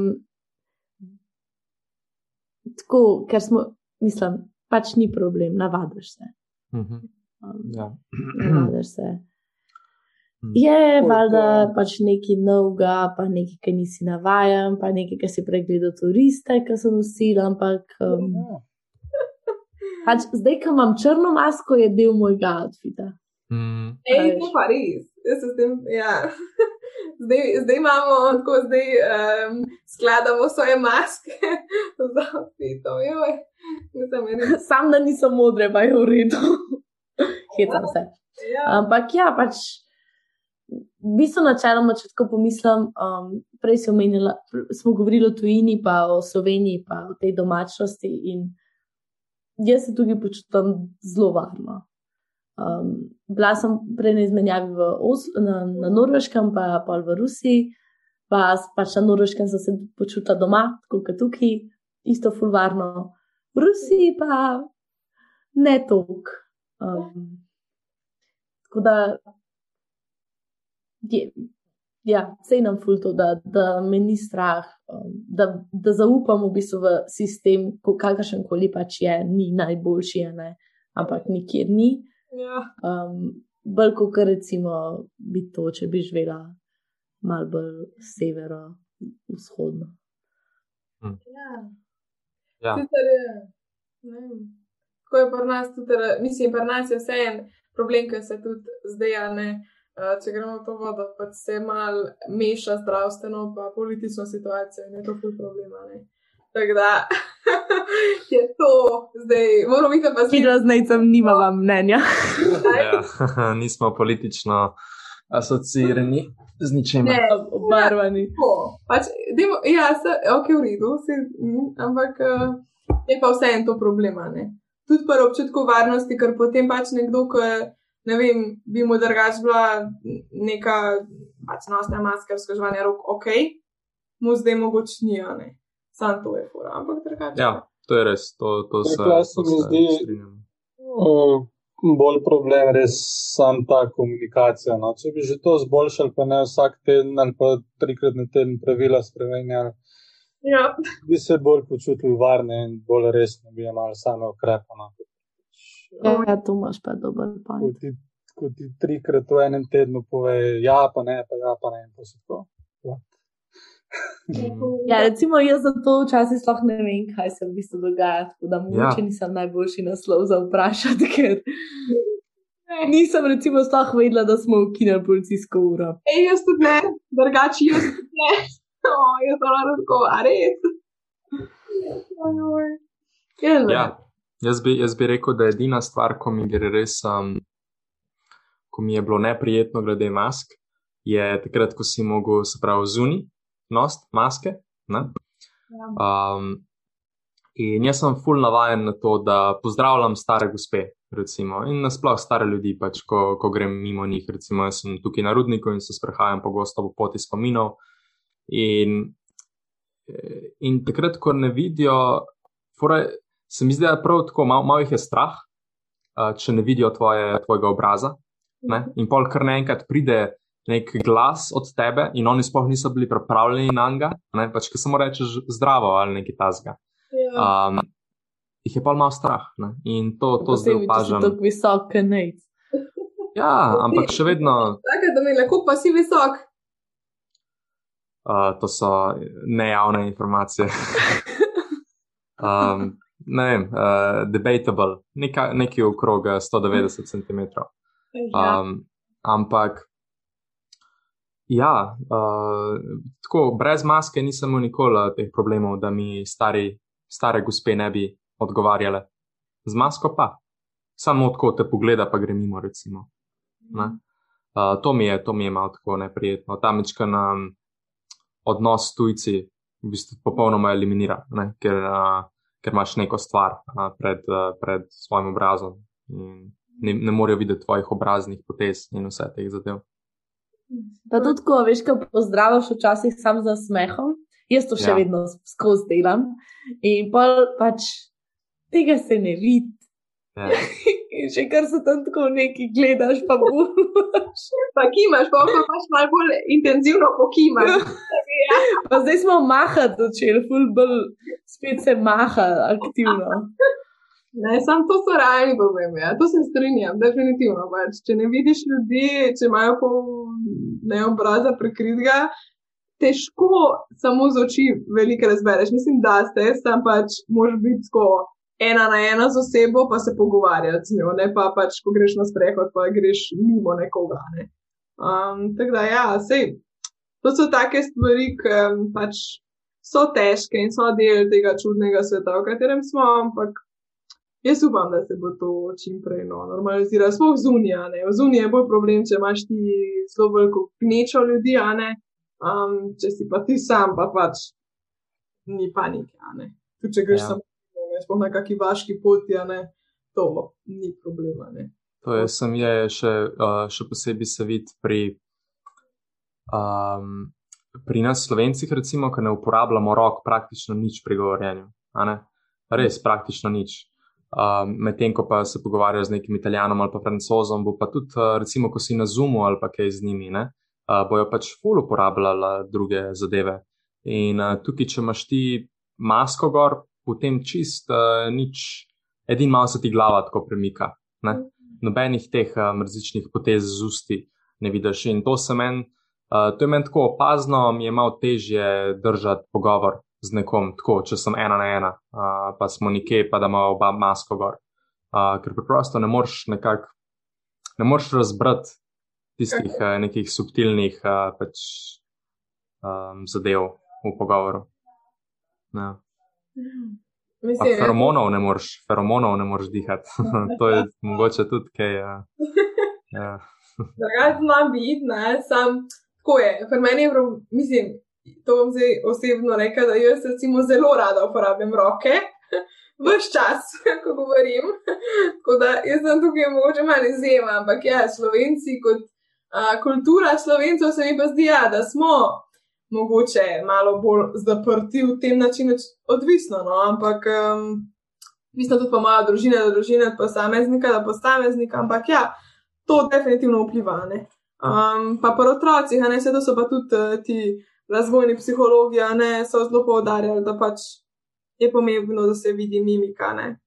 Da je razlika, mislim, da, mož, da, da je pri otroku pač to težko, ne? da rabi videti mimiko svoje vem, vzgojiteljice, svojega um, kolega iz uh, razreda, no, iz skupine. Da, um, to je čisto odvisno, no? ampak tudi za nas. Pa normalno je, mislim, normalno. Treba je normalizirati tudi to, ja, da je ok, da ti je težko. Pač. V redu je, da ti je težko in pač, mislim, prav je. Fajn je, da to poveš, um, vem, da, se to, da se o tem debatira. Um, ne samo, da se mogoče pomete pod preprogo, pa je tako, ja, pač tako je zdaj, zdaj se moš pa navaditi. Ampak da, da je ok, ok je, da ti je težko, ok je, da ti je neprijetno, ok je, da ti je čudno, da dvomiš, je koristno, da dvomiš. Uh, mislim, da se sprašuješ, da bo tega konc, ok je, da neko greš na sprehod, si tako, joj, pa jaz več tega ne bi imel gor. Pač, to je vse ok. Um, pač, to so tvoje občutja in pač, je čist uh, legitimno, no, ne rečem. Zdi to, uh, kot si rekla, pač razumeti, da, da je vsem težko in da se večina ljudi, ki se mogoče prej ni soočala z nekimi mogoče depresivnimi ali pa takimi težkimi trenutki mislimi, se zdaj sooča s tem. In je mogoče za njim, ali pa tudi meni mogoče, ker se prej nisem nikoli tako utesnjeno ali pa osamljeno počutila, bi lahko rekla, da zdaj vse kdaj. Ja. Čeprav drugače nisem tak, tako, ne ja. vem, nisem, ni, nikoli prej se mi ni to zgodilo. Ne? In je ta strah pred nečem, kar ne poznaš, pa ne veš zakaj, pa kako, pa, pa si rečeš, mislim, se ni čuden, da je tako, se je to nenavaden. Zdaj, strah pred neznanim, že vrsto let, mislim, seveda, je to nekaj najhujšega. Ne? Najbolj nas je strah nečesa, kar ne poznamo, pa ne vemo. Ne? In točno to je bilo tudi pri tem virusu, ne noben ni videl. Mislim, pač to je neka nova stvar, ne? s katero se vsi učimo. Še, to bi ja. dodal še, da sploh pa stvar, ki je ne vidimo. Pa smo pa zdaj ne vidimo. Ja. Nekaj bolj groznega. Ja. ja, problem je, ja, ker tudi mi si ne znamo predstavljati. Ne? Um, veliko lažje, to je dobra primerjava, ko so eni rekli, da je vojno stanje, tam da je neviden sovražnik. Ne? Um, in da je veliko težje to sprejeti, tudi za naše možgane. Mi pač sprejemamo svet z tem, da slišimo, da gledamo, ne? in ok, tu to kušamo, tipamo, vohamo, ampak tako, če se zdaj na to se zatočimo. In ti, ko vidiš neko nevarnost ali pa jo slišiš, se boš umaknil. In ti je normalno, ok, v redu, pač to je krizno stanje. Medtem ko, če nekaj ne vidiš, ne slišiš, tudi ti paš ne znaš v bistvu, neč odnaš, tudi ne vohaš, ne, ne okusiš virusa, pač nimaš neke, um, neke prav direktne zaznave, da obstaja, da je tam in da se ga je treba bati. Je to zelo težko, ne? zelo težko za nas, za naše možgane to sprejeti. Ja normalno je, da nas je strah in se je povečalo, tako število tesno, mislim, število pojav tesnobnih občutkov. Vse to je bila zdaj ena raziskava, se je dal ven, ne med študenti. Um, 90% jih je pač depresivno tesnobnih, ne, oziroma imajo take občutke, mislim, četrtina um, jih ima samo morilne misli. To je pač neka realnost, v kateri smo se zdaj znašali in ki ne bo šla kar tako stran. Um, tako da Ja. Hm. Wow, to so mi eh, zanimivi podatki. Kako je pa baza ljudi tukaj? Dobro vprašanje. To, to mi je tako res uh, zanimivo, da je imel 90% neke občutke tesnove, pa ena četrtina, da je imela nekaj pač, uh, razmišljanja o, o, o samomoru. To mi je, to mi je noro. Ja, mislim, da bom rekel, jaz sem dobila, jaz sem spomnila tega vprašanja, ki sem ga dobila domov, um, to je Nacionalni inštitut za javno zdravje. To, uh, uh, pošiljal, ampak ne vem pa točno, koliko je bila potem baza, oziroma baza ljudi, ki so jih kontaktirali, bila verjetno full visoka, oziroma full velika, se zdaj bom mogoče poiskala, no, če se zanima. Ampak um, ja, boje pa vprašanje, koliko jih je dejansko rešila, ne, ampak mislim, da je bil kar. Mislim, Sem, če je javna raziskava, bi rekla, da mora biti bolj zihar nek dober vzorc. Oziroma, vsaj, Ja. Ampak tudi tako, če, če čisto ne vem, med v skupini svoje, ne vem, moje družbe ali pa tako ljudmi, s katerimi sem jaz v stiku, se mi zdi, da se je ful povečalo to razumevanje, da sam rečeš, hej, danes nisem ok, ali pa Ja. danes sem ok, idemo se slišati. Ful je, kar je nestrpno bilo mogoče do, do nekih tako ukrepov, je bilo ful strpno do en drugega. Um, vse v mojem krogu. In sem ful hvaležna za to, ker nikoli prej se mogoče nisem tako varno počutila sam reči, da je pač le tako je. Ne? Ja. Mhm. Ja, to, je Ja. to je to, kar si želimo ne, od odnosov. A se strinjate? Bolj smo šli v sami v sebe. No? Mislim, itak so nas toliko občutki preplavili, da smo mogli, no? se nismo imeli izbire. Tiskaj pa ni šel, je pa, s- pa se ni priznal, je pa slejko prej zapadel v neko tesnobo in neke panične napade, kakorkoli. Ja, to mi je, to mi je zanimivo. Se mi je to dejstvo, da smo mogli nekako dati neke. Um, recimo, če si imel plani tu Ameriko, uh, pa fakso. Um, je bilo to zdaj le veliko teže narediti, če si letos diplomiral, ne pa da si bil iz Evrope. Uh, je bil to v bistvu skoraj po eni strani nemogoč plan, uh, da si hotel recimo vizo dobiti, uh, pa, pa si tam zrihtati službo ali pa v Kanado. Ne. Um, in uh, take zadeve se mi so potem prisilile uh, določene ljudi, da so pač mogli ostati doma ne, in se sprijazniti s tem, da ok, zdaj bom pač ne bom teh uh, mojih velikih ambicij uh, izživel, uh, ki si recimo razmišljal o njih že nekaj časa in moraš biti pač doma. In se mi je takrat potem začneš tako precej razmišljati sam o samem sebi in zakaj si sploh želel to, recimo, iti ven iz Slovenije in take zadeve. Um, in smija to nasploh, je tako prsil posameznika, da bolj nekako neko introspektivo začne furati in pol tudi bolj prijetno se mu je z drugimi ljudmi, z njegovimi prijatelji, samo pač pogovarjati o teh nekih notranjih zadevah, ne? uh, ker se pač na koncu koncev vsi s temi zadevami soočamo. Ja. Se zdaj odpovedujejo. Mislim, jaz sem recimo imela, jaz sem ravno dan zvedla, drugač. Po eni strani je bil dober dan, po drugi strani pa slab dan, ker sem zvedla, da so mi odpovedali izmenjavo v čilu. Jaz bi mogla iti julija na prakso za en mesec, mislim na prakso, tako, za en mesec v en laboratorij raziskovati, um, pač ja, v Čile in so mi zdaj odpovedali um, izmenjavo, tako da. Pač pa je to ena tudi stvar, ker sem se jaz tudi veselila in ne se učim zdaj drugo leto, tako mm, s temi španščino, no, pač pa Mm. je bilo faks na tečaj, ko uspem, no, ampak ja, a, in sem želela ne povaditi, to je bila ena moja, ja, ena izmed, ena izmed mojih ciljev, ambicij, um, zdaj je perfekten čas za to in pač so mi, ja, tudi povedali, tako da, jaz ne vem, a to drugače slišite, mislim, da pri nas nekdo nekaj vrta, ok, ne. Ja. ja. Smo se že navadili v tem enem letu zumanja, da so razna gradbena dela v zadju. No. Stvari se dogajajo, tudi strpni smo do tega, le pač malo je ropota, sorry, ni izolirana soba. Ja, itak, ja, mislim, ja, pa vem, da smo kule v bloku, no, ampak. Um, ja. Te sobe so zanimive, ja, kako se to sliši. no.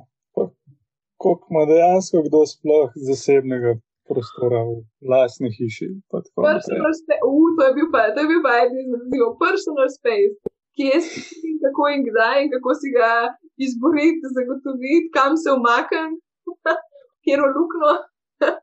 Jaz to občutam, to, jaz to občutam. To. Jaz se ne znam povedati, koliko sem jaz tako v tistem orange lockdownu samo sedela pred hišo v avtu. Sem lahko, kaj je zasebnost, kaj je tišina, tako pogrešam tišino. Tu je tudi, evo, mir, tišina, to so stvari, ki res pomagajo. Tako. In prišla sem do zaključka, da to je luksus, da imaš ti tišino. To je. Ful so se, raz, eh, ful so se spremenile prioritete, oziroma moč tako. Prej se ti je zdelo, recimo, so, če si se učil, to je tako pri nas do pogosto, pa vidiš koga, ki gre ven in žura in tako. uh, in nima miru ne, v tem smislu, nima tišine, nima uh, tako in skozi hodi ven, ste zdaj, o, jaz bi tudi, a ne. Zdaj se mi zdi pa, da smo mogoče tudi začeli bolj prioritizirati mir, tišino, nek trenutek sam s sabo, um, ali pa sam s kolegom, ena na eno, ne vem, jaz sem zdaj tudi te zunkavice, ko sem jih spomenovala, tako, tudi ena na ena, pa ena pač par kolegov, tako, brez neke, nekih divjih planov. Um, pa se mi zdi, da sem tudi kakšne ljudi veliko bolj spoznala, ker sem jih prej. Ne? Um, ne, ker ko greš ven, recimo z nekom, pač ponovadi se dobiš pri nekomu, malo kaj spijete, se kako igro greš in potem greš pač plesati, ne vem, ali pa na karaoke, recimo, Forsterja, če ste kdaj bili, ti se bo tudi tako, full fine. Um, in ja, pač se bo fine, ampak ne zveš pa na takem večeru neki več osebja, ne zdaj, ko se pa s kom slišim, ali prek Zuma, imaš kako ali, kavo, ali pa vino, tudi sem že imela. um, pa mogoče prideš do kakšne teme, kakšnih pogovorov, ki jih prej nikoli nisi imel z osebo. Tako da je to dobro. Je, se strinjam, se strinjam, ti nam čist prav, sam iskreno.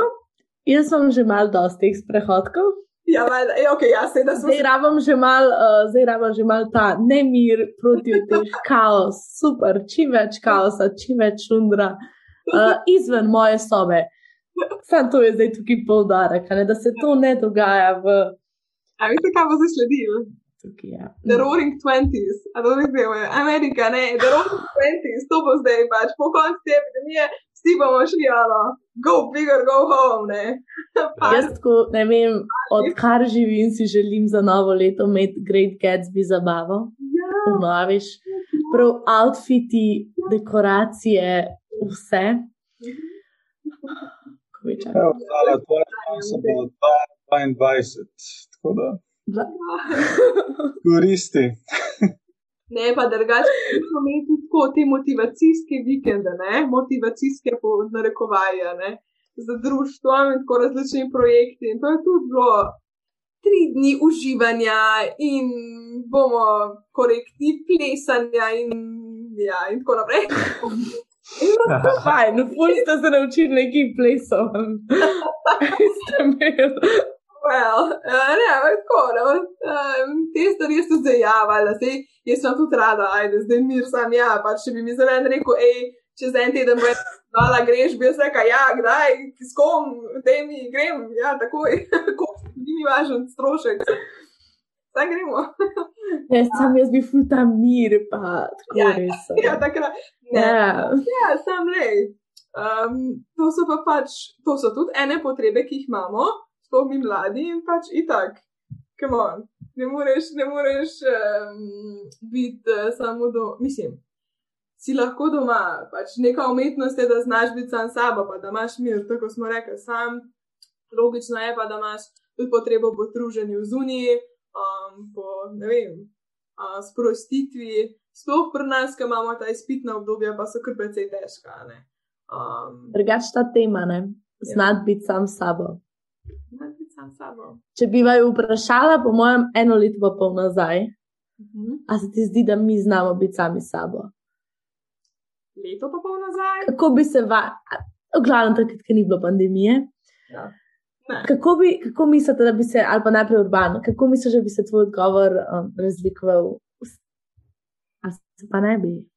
Konkretno bi se razlikoval, po mojem, no, saj za jaz, če lahko osebno zgodbo povem, jaz sem bil um, precej takšen, da se mi je zelo dogajalo no, pred uh, prvim lockdownom. Nisem imel skoraj nič časa za sebe, tako res sem si ga mogel se ustaviti, pa si reči, da je se pa vstal, vzem si čas za sebe, odmislil vse ostalo, pa itak svet norine.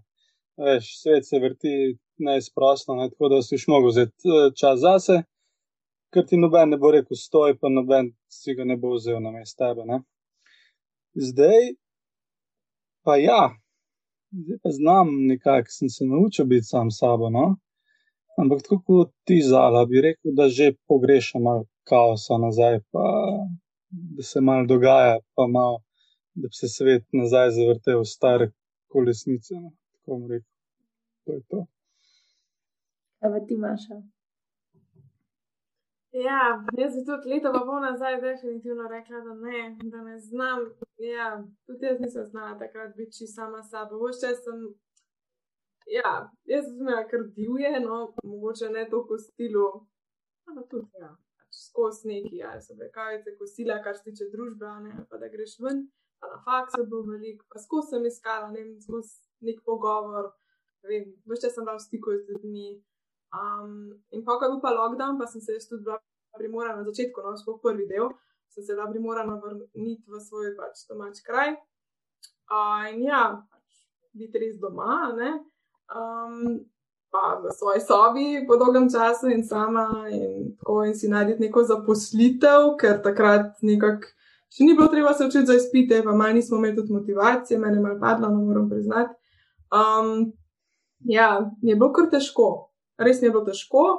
Um, zdaj sem se pa to naučila. No, tem letu pa pol sem se tudi ja, naučila biti sama sabo in da mi je tako udobno, da ne pogrešam stvari. Mislim, tako smo prej se malo pohecali, ja, pogrešamo iti na nek festival, iti ven, uh, plesati.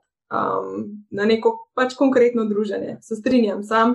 Um, vem pa zdaj v prihodnosti, ne, da bom po takem druženju znala biti tudi sama v miru doma in da ne bom skozi hlastala za nekimi takimi dražljaji, če se tako izrazim. No. Tako da, ja, um, smo se marsikaj naučili, no, po moje. Um, med drugim tudi, kako biti sam. Ja. No, in pa jaz, moja teorija je, da če znaš biti sam s sabo, um, imaš tudi bolj kvalitetne odnose z drugimi. In zato nekako predpostavljam, da mogoče je to je meni tista svetla točka tega. te spremembe življenjske, ker se mi zdi, da dejansko bomo ljudje imeli boljše odnose ustvarjali med sabo. Ja, ker če ti nisi, to je tudi pri razmerih, ni, ni samo prijateljstvo, tudi razmerja, družinski odnosi. Če ti nisi rečemo temu tudi samostojnost. Ne? Če nisi ti samostojen, če ne znaš biti sabo, potem na nek način si odvisen od odnosov, tako um, miselno, časovno. Um, in niso tako kvalitetni, ker so odvisni, knežen, si so odvisen od tega. Mm. Če pa znaš biti sam sabo, si pa v nekem odnosu zato, ker si ga res želiš. Ne zato, ker bi ga rabo zaradi ne vem, tega, ker ti vse čas neki manjka, no? na ta način, tako sem hotel reči. Um, tukaj, je, tukaj si pa potem v odnosu samo zato, ker si želiš odnosa s to osebo, si želiš komunikacije, želiš zvedeti, kaj se z njim, kaj se z, njim z njo dogaja, in obratno, a ne mu želiš povedati stvari, ki se dogajajo s tabo, ampak ne zato, ker pač ti brez tega ne boš preživel po domače, ali pa ne boš, ne vem, mogel dva dni biti, ampak zato, ker si to želiš, a ne na drugačen način vstopaš v odnos. Um, ker prej je bilo tako, um, tudi dosta ljudi je imelo ogromne količine prijateljev zaradi tega, ne? mogoče pa ne take kvalitete. Ne? Um, zdaj se mi zdi pa, da vedno več damo uh, podarka na kvaliteto. Pa na to, da ja, z odnosom rasteš. To je sicer tako banalen izraz, ki zdaj se res dosta uporablja, ampak je pa tudi resničen, pač, da rasteš z odnosom, ki si ga želiš imeti. Ne zato, ker bi ga rabo nujno. Ne? Ne. Pomembno je, da smo iskreni sami s sabo. No? To je osnova. Bistvo vsakega odnosa. Ja, jaz bi tudi rekel, da je to tako lepa. Ja. Ok, zala tvoj. Ne, ne, sorry, ker sem te prekinila. Ne, rekla sem. Da bom imela dober odnos. ok. um, uh, A ste utrujeni? Ja, če smo, če smo utrujeni. Ja. Um, je bi se lahko v odnosih cel dan pogovarjala, tako da meni je, meni je super. Ja. Ampak sem malo utrujena. Se mi zdi, ja, ampak se mi zdi, da taki, tako, tak nivo pogovora, kot ga imamo zdaj, um, je zelo lažje, še bolj, recimo, uno, še, eno, še en korak naprej, da če bi bilo v živo. Ja. Um, že samo to, ko, moraš, ko v bistvu nimaš unga da se ti malo spremenja dinamika, ko pač gledaš uh, različne sogovornike v oči, uh, pa jo gledaš malo v usta, pa take zadeve, pa greš na WC. Tako, tista neke, nek normalna dinamika nekih pogovorov, medtem ko pa tako, ki je pa na Zoomu, pa ti ne, precej nepremično sediš, mogoče se malo zamenjaš, um, po eni strani še nočeš nekih uh, glasnih uh, šumov, ne vem, postaviti šalce na mizo ali pa kaj, ker bo se to slišalo na mikrofonu in take zadeve. Tako precej si ujet v neko škatlo. Um, to mi je edino, um, sem jaz tako minus pri teh zoom pogovorih. Pa težka tema. Mislim, mi smo danes eh, odprli vse in take teme, ki niso ravno. A, grem na sprehod, to je super, gledam, da vi, mislim, take zelo enostavne. Mm -hmm. To so teme, ki terajo svoj čas in tudi psihično energijo. In, a, mož biti kar zbran, mož slediti pogovor, tako da je čisto normalno. Zato sem vam tudi vprašal, če ste utrujeni, ker je normalno, da ste. To, ja, pač tako. Ne, ne tako, ker sem začutila, tudi če je preko ekrana, ker je sicer fajn, um, pa sem full vesela, drugač, um, da se znamo o teh starih pogovarjati. No, tudi meni to veliko pomeni. Um, ni pa enostavno, no. ni pa to nek um, tako res enostaven pogovor uh, za ob, ne vem, kavici pet minutni, tako, kako si ste imel, kak ti je bil ta profesor, ne vem, kakšne hlače si si kupil na zadnje, pač taki banalni primeri. Mm. Mm. Da, ne, to je prav.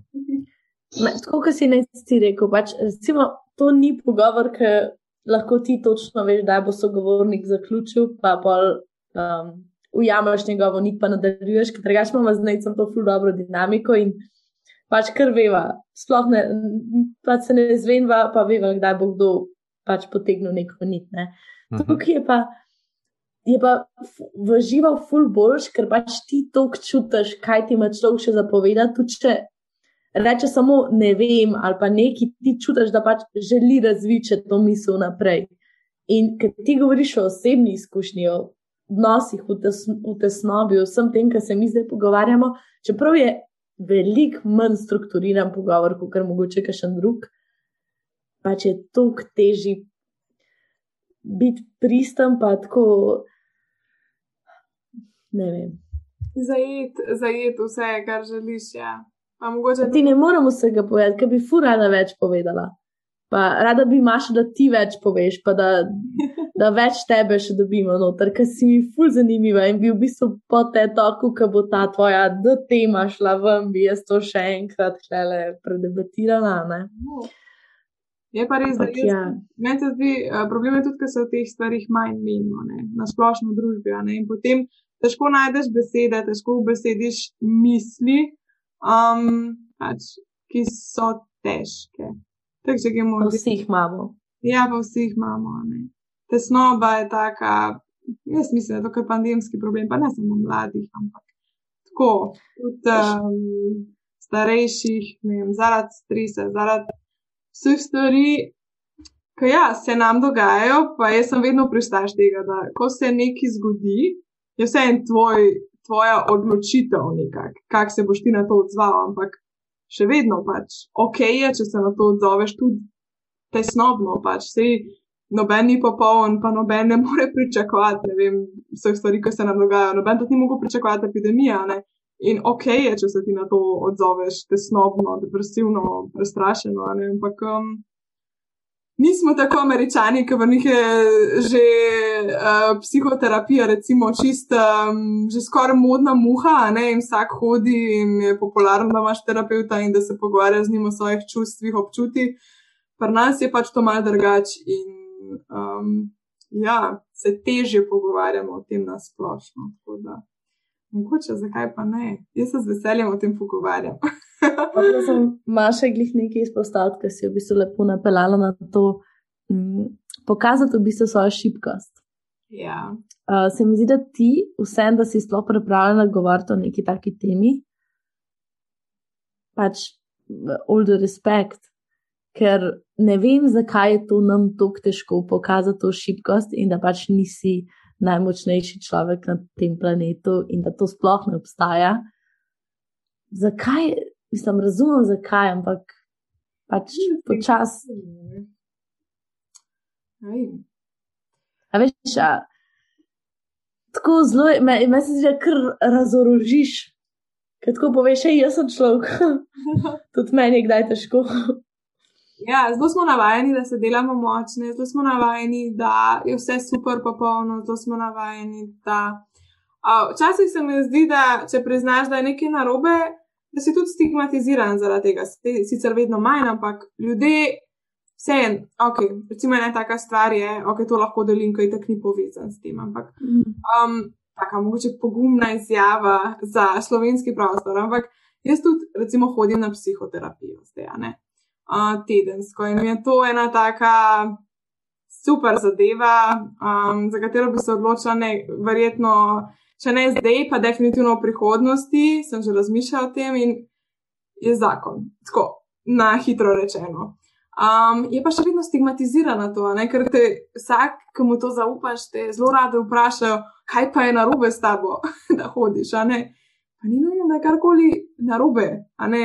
Lahko si sam želiš malo bolj sebe spoznati, pa lepše odnose z drugimi tvoriti. Ne? ne rabi biti neki ja, tole pa narobe, na tole pa lahko pokažem. Ni treba. Mhm. Um, in ja, no, je to. Predvsej, jaz, jaz zdaj sem dokaj normalizirala že, go, že govor o teh stvarih. Tudi zdi se mi, da okay, je eden izmed inštitutov, oziroma ta inštitut 8. marec, ne, pa imel ženo zelo meni tak profil na Instagramu, ko jaz to spremljam. Ne, da je res pol kul. Cool. Ja. Malo um, destigmatizirajo govor o takih težkih izkušnjah, o um, vem, ja, tem, da smo pač vsi ljudje, da se nam zgodijo težke stvari, um, da je ok, če se nam, da je ok, če se zlomo, da je ok, če nam je težko, da je ok, če to rečem. Pač, lej, jaz sem to, pa to, to, se, to pa to se mi je zgodilo. Ja, pač grozno mi je, pač ne vem, če sem pobral, pobrala. Um, in ok je tako, ne? ne pa da se zdaj to stigmatizira. Pa, pač ja, doskrat ljudje gledajo na tebe, kot da si potem s tabo kaj tako narobe. Pa ni, ne, samo človek si je. E, jaz tu mislim, da v Sloveniji to še vedno kar tabu tema. No? Oziroma, če ne glih tabu, ampak da, se, da je, so psihološke motnje znak, eh, se dojemajo kot neko šibkost. Ne? In, marsikdo se težko zaupa, sploh svojim najbližjim, zato ga je strah, kako bo gledal na njega. Da pač jim odveč ali pač jih bo sram, da ima nekdo v njihovi družini psihološke motnje. Ne? Ampak da se to premalo zavešča, že, na, že v osnovnih šolah, recimo, da se premalo zavešča ljudi, da se je treba o tem pogovarjati. Pač, da smo ljudje um, kot fizične biti lahko bolani, smo pa tudi če uporabljam, mislim, če dam eh, neco primer, smo pa tudi neke programe, imamo vse, svojo dušo, svoje uh, možgane, ki pač uh, more to tudi funkcionirati, da lahko tudi fizično telo deluje. Da, ampak o teh stvarih se pa premalo uh, pogovarjajo in so tudi neka tabu tema, no, nasploh v družbi, um, nažalost. Je pa ta epidemija samo poglobila še te, da je pač. Uh, te stvari no, in te debate.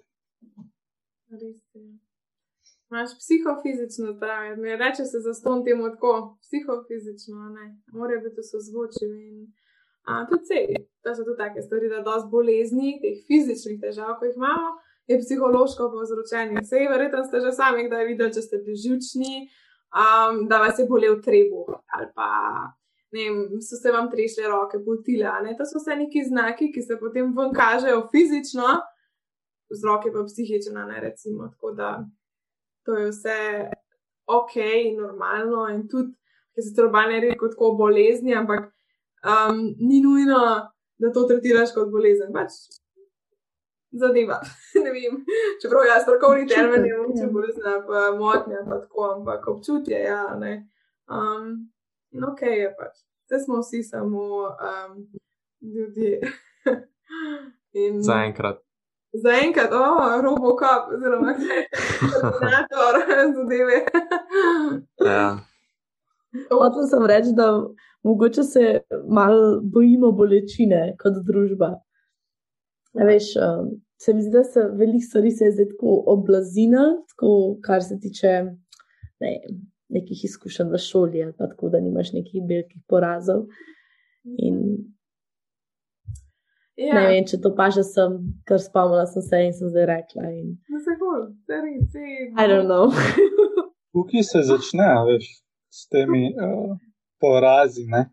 ne vem, da se bojiš povedati nezadostno oceno, ker dobiš, ali pa ker si, ne vem, enem v prvem razredu vzel svinčnik, pa si ne upaš povedati, da si ga, ker boš pa kregana, ne?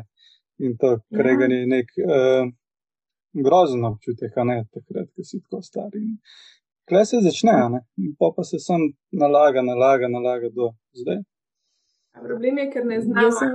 Je eno ful dobro stvar. Uh, kriganje, samo tako, da se omenim, tukaj je problem tudi, ker ne znamo, oziroma ne znajo večinoma ljudi, mislim, krigati. Ja, kritizirati. No. Ker ti lahko stvar na več načinov poveš, ne lahko rečeš otroku, evo to lupa na robe, zaradi tega, pa tega, pa tega. In zato moš drugič drugače narediti, ne pa to poveš, ne vem, civilizirano. Lahko se pa sam zdereš na otroka, pa mu rečeš, evo to je pa bilo ful na robe. Um, in to je to. In to nima dobrega efekta, ne? Pač, ne na otroka zdaj, in ne na odraslega, ki bo nastal iz tega otroka. Ne? Tako da to niso, to niso tudi sam stvari, ki se zdaj dogajajo, ne? to so stvari, ki imajo vzroke tudi v otroštvu. Vse prepleteno. Um, jaz se upravičujem, da ta vidva sam še 8 minut časa, slučajno. Ja. Okay. Mi da imamo čez 8 minut um, naš šovajo. Skupni sestanek en, dva. Ja. Oh, s celotno uh, TEDx Univerzijo v Ljubljana ekipa, ali kako? Tako je. Tako wow. Okay, Joj, no, jaz sem okay. še eno fuldovo temo, ki se ne moramo dotakniti. Ajo, lahko v šestih minutah zapakiramo za vse. škoda je, škoda je. Bolje bomo pa ohranili. Da jim moraš lepo zaključiti. Ja. ja. ja. Jaz, jaz bi... sem prišla na ta podcast izjemno razdražena in slabe volje. Ne izjemno, ampak sem pa bila malo tako utrujena in da sem jaz vse, ki imam ful velik stvari. In zdaj sem prav pomirjena in sem našla en tak svoj mir. Tako da hvala Maša, hvala Urban. Um, hvala vama. Hvala vama, ja. Dala veliko občutek varnosti tukaj. Zdaj pa to je to. Najciti. Ja. Ja, um, tudi jaz uh, moram reči, da mi je bilo precej, uh, precej prijetno in same tudi teme, ki smo se jih dotaknili, so bile take malo bolj. Um, dejansko sem si nekako predstavljal, da bo današnji pogovor šel dostko. Uh, Sprav se mi je ponavadi malo zalo, bolj, kar se tiče tem, tako da so neke take konkretne teme, ko že vnaprej približno veva, o čem bo šel pač ta teza celotnega podcasta, vsaj približno. Medtem ko pa tukaj se mi zdi, pa, da smo šli predvsej tako na neko. Um, smo šli tja, ki nam je pač pasal. Uh, zdaj, kot, kot sem prej rekel, škoda, da nismo mogli živo tega narediti, se mi da, bi, da bi to. Uh, Prav ta, nekako ta format uh, pogovora, glede teh tem, da bi full bolj pasu živo, uh, ampak se mi je, nam je nekaj kulskega ratal skupaj spraviti tudi tako preko Zuma. Tako da hvala vsem. Hvala, res je. Ja. Že ko mi čakam 6. maj, da boste te vaše govore predstavili. No. Oh, ja. Ker zdaj tam so na vsak.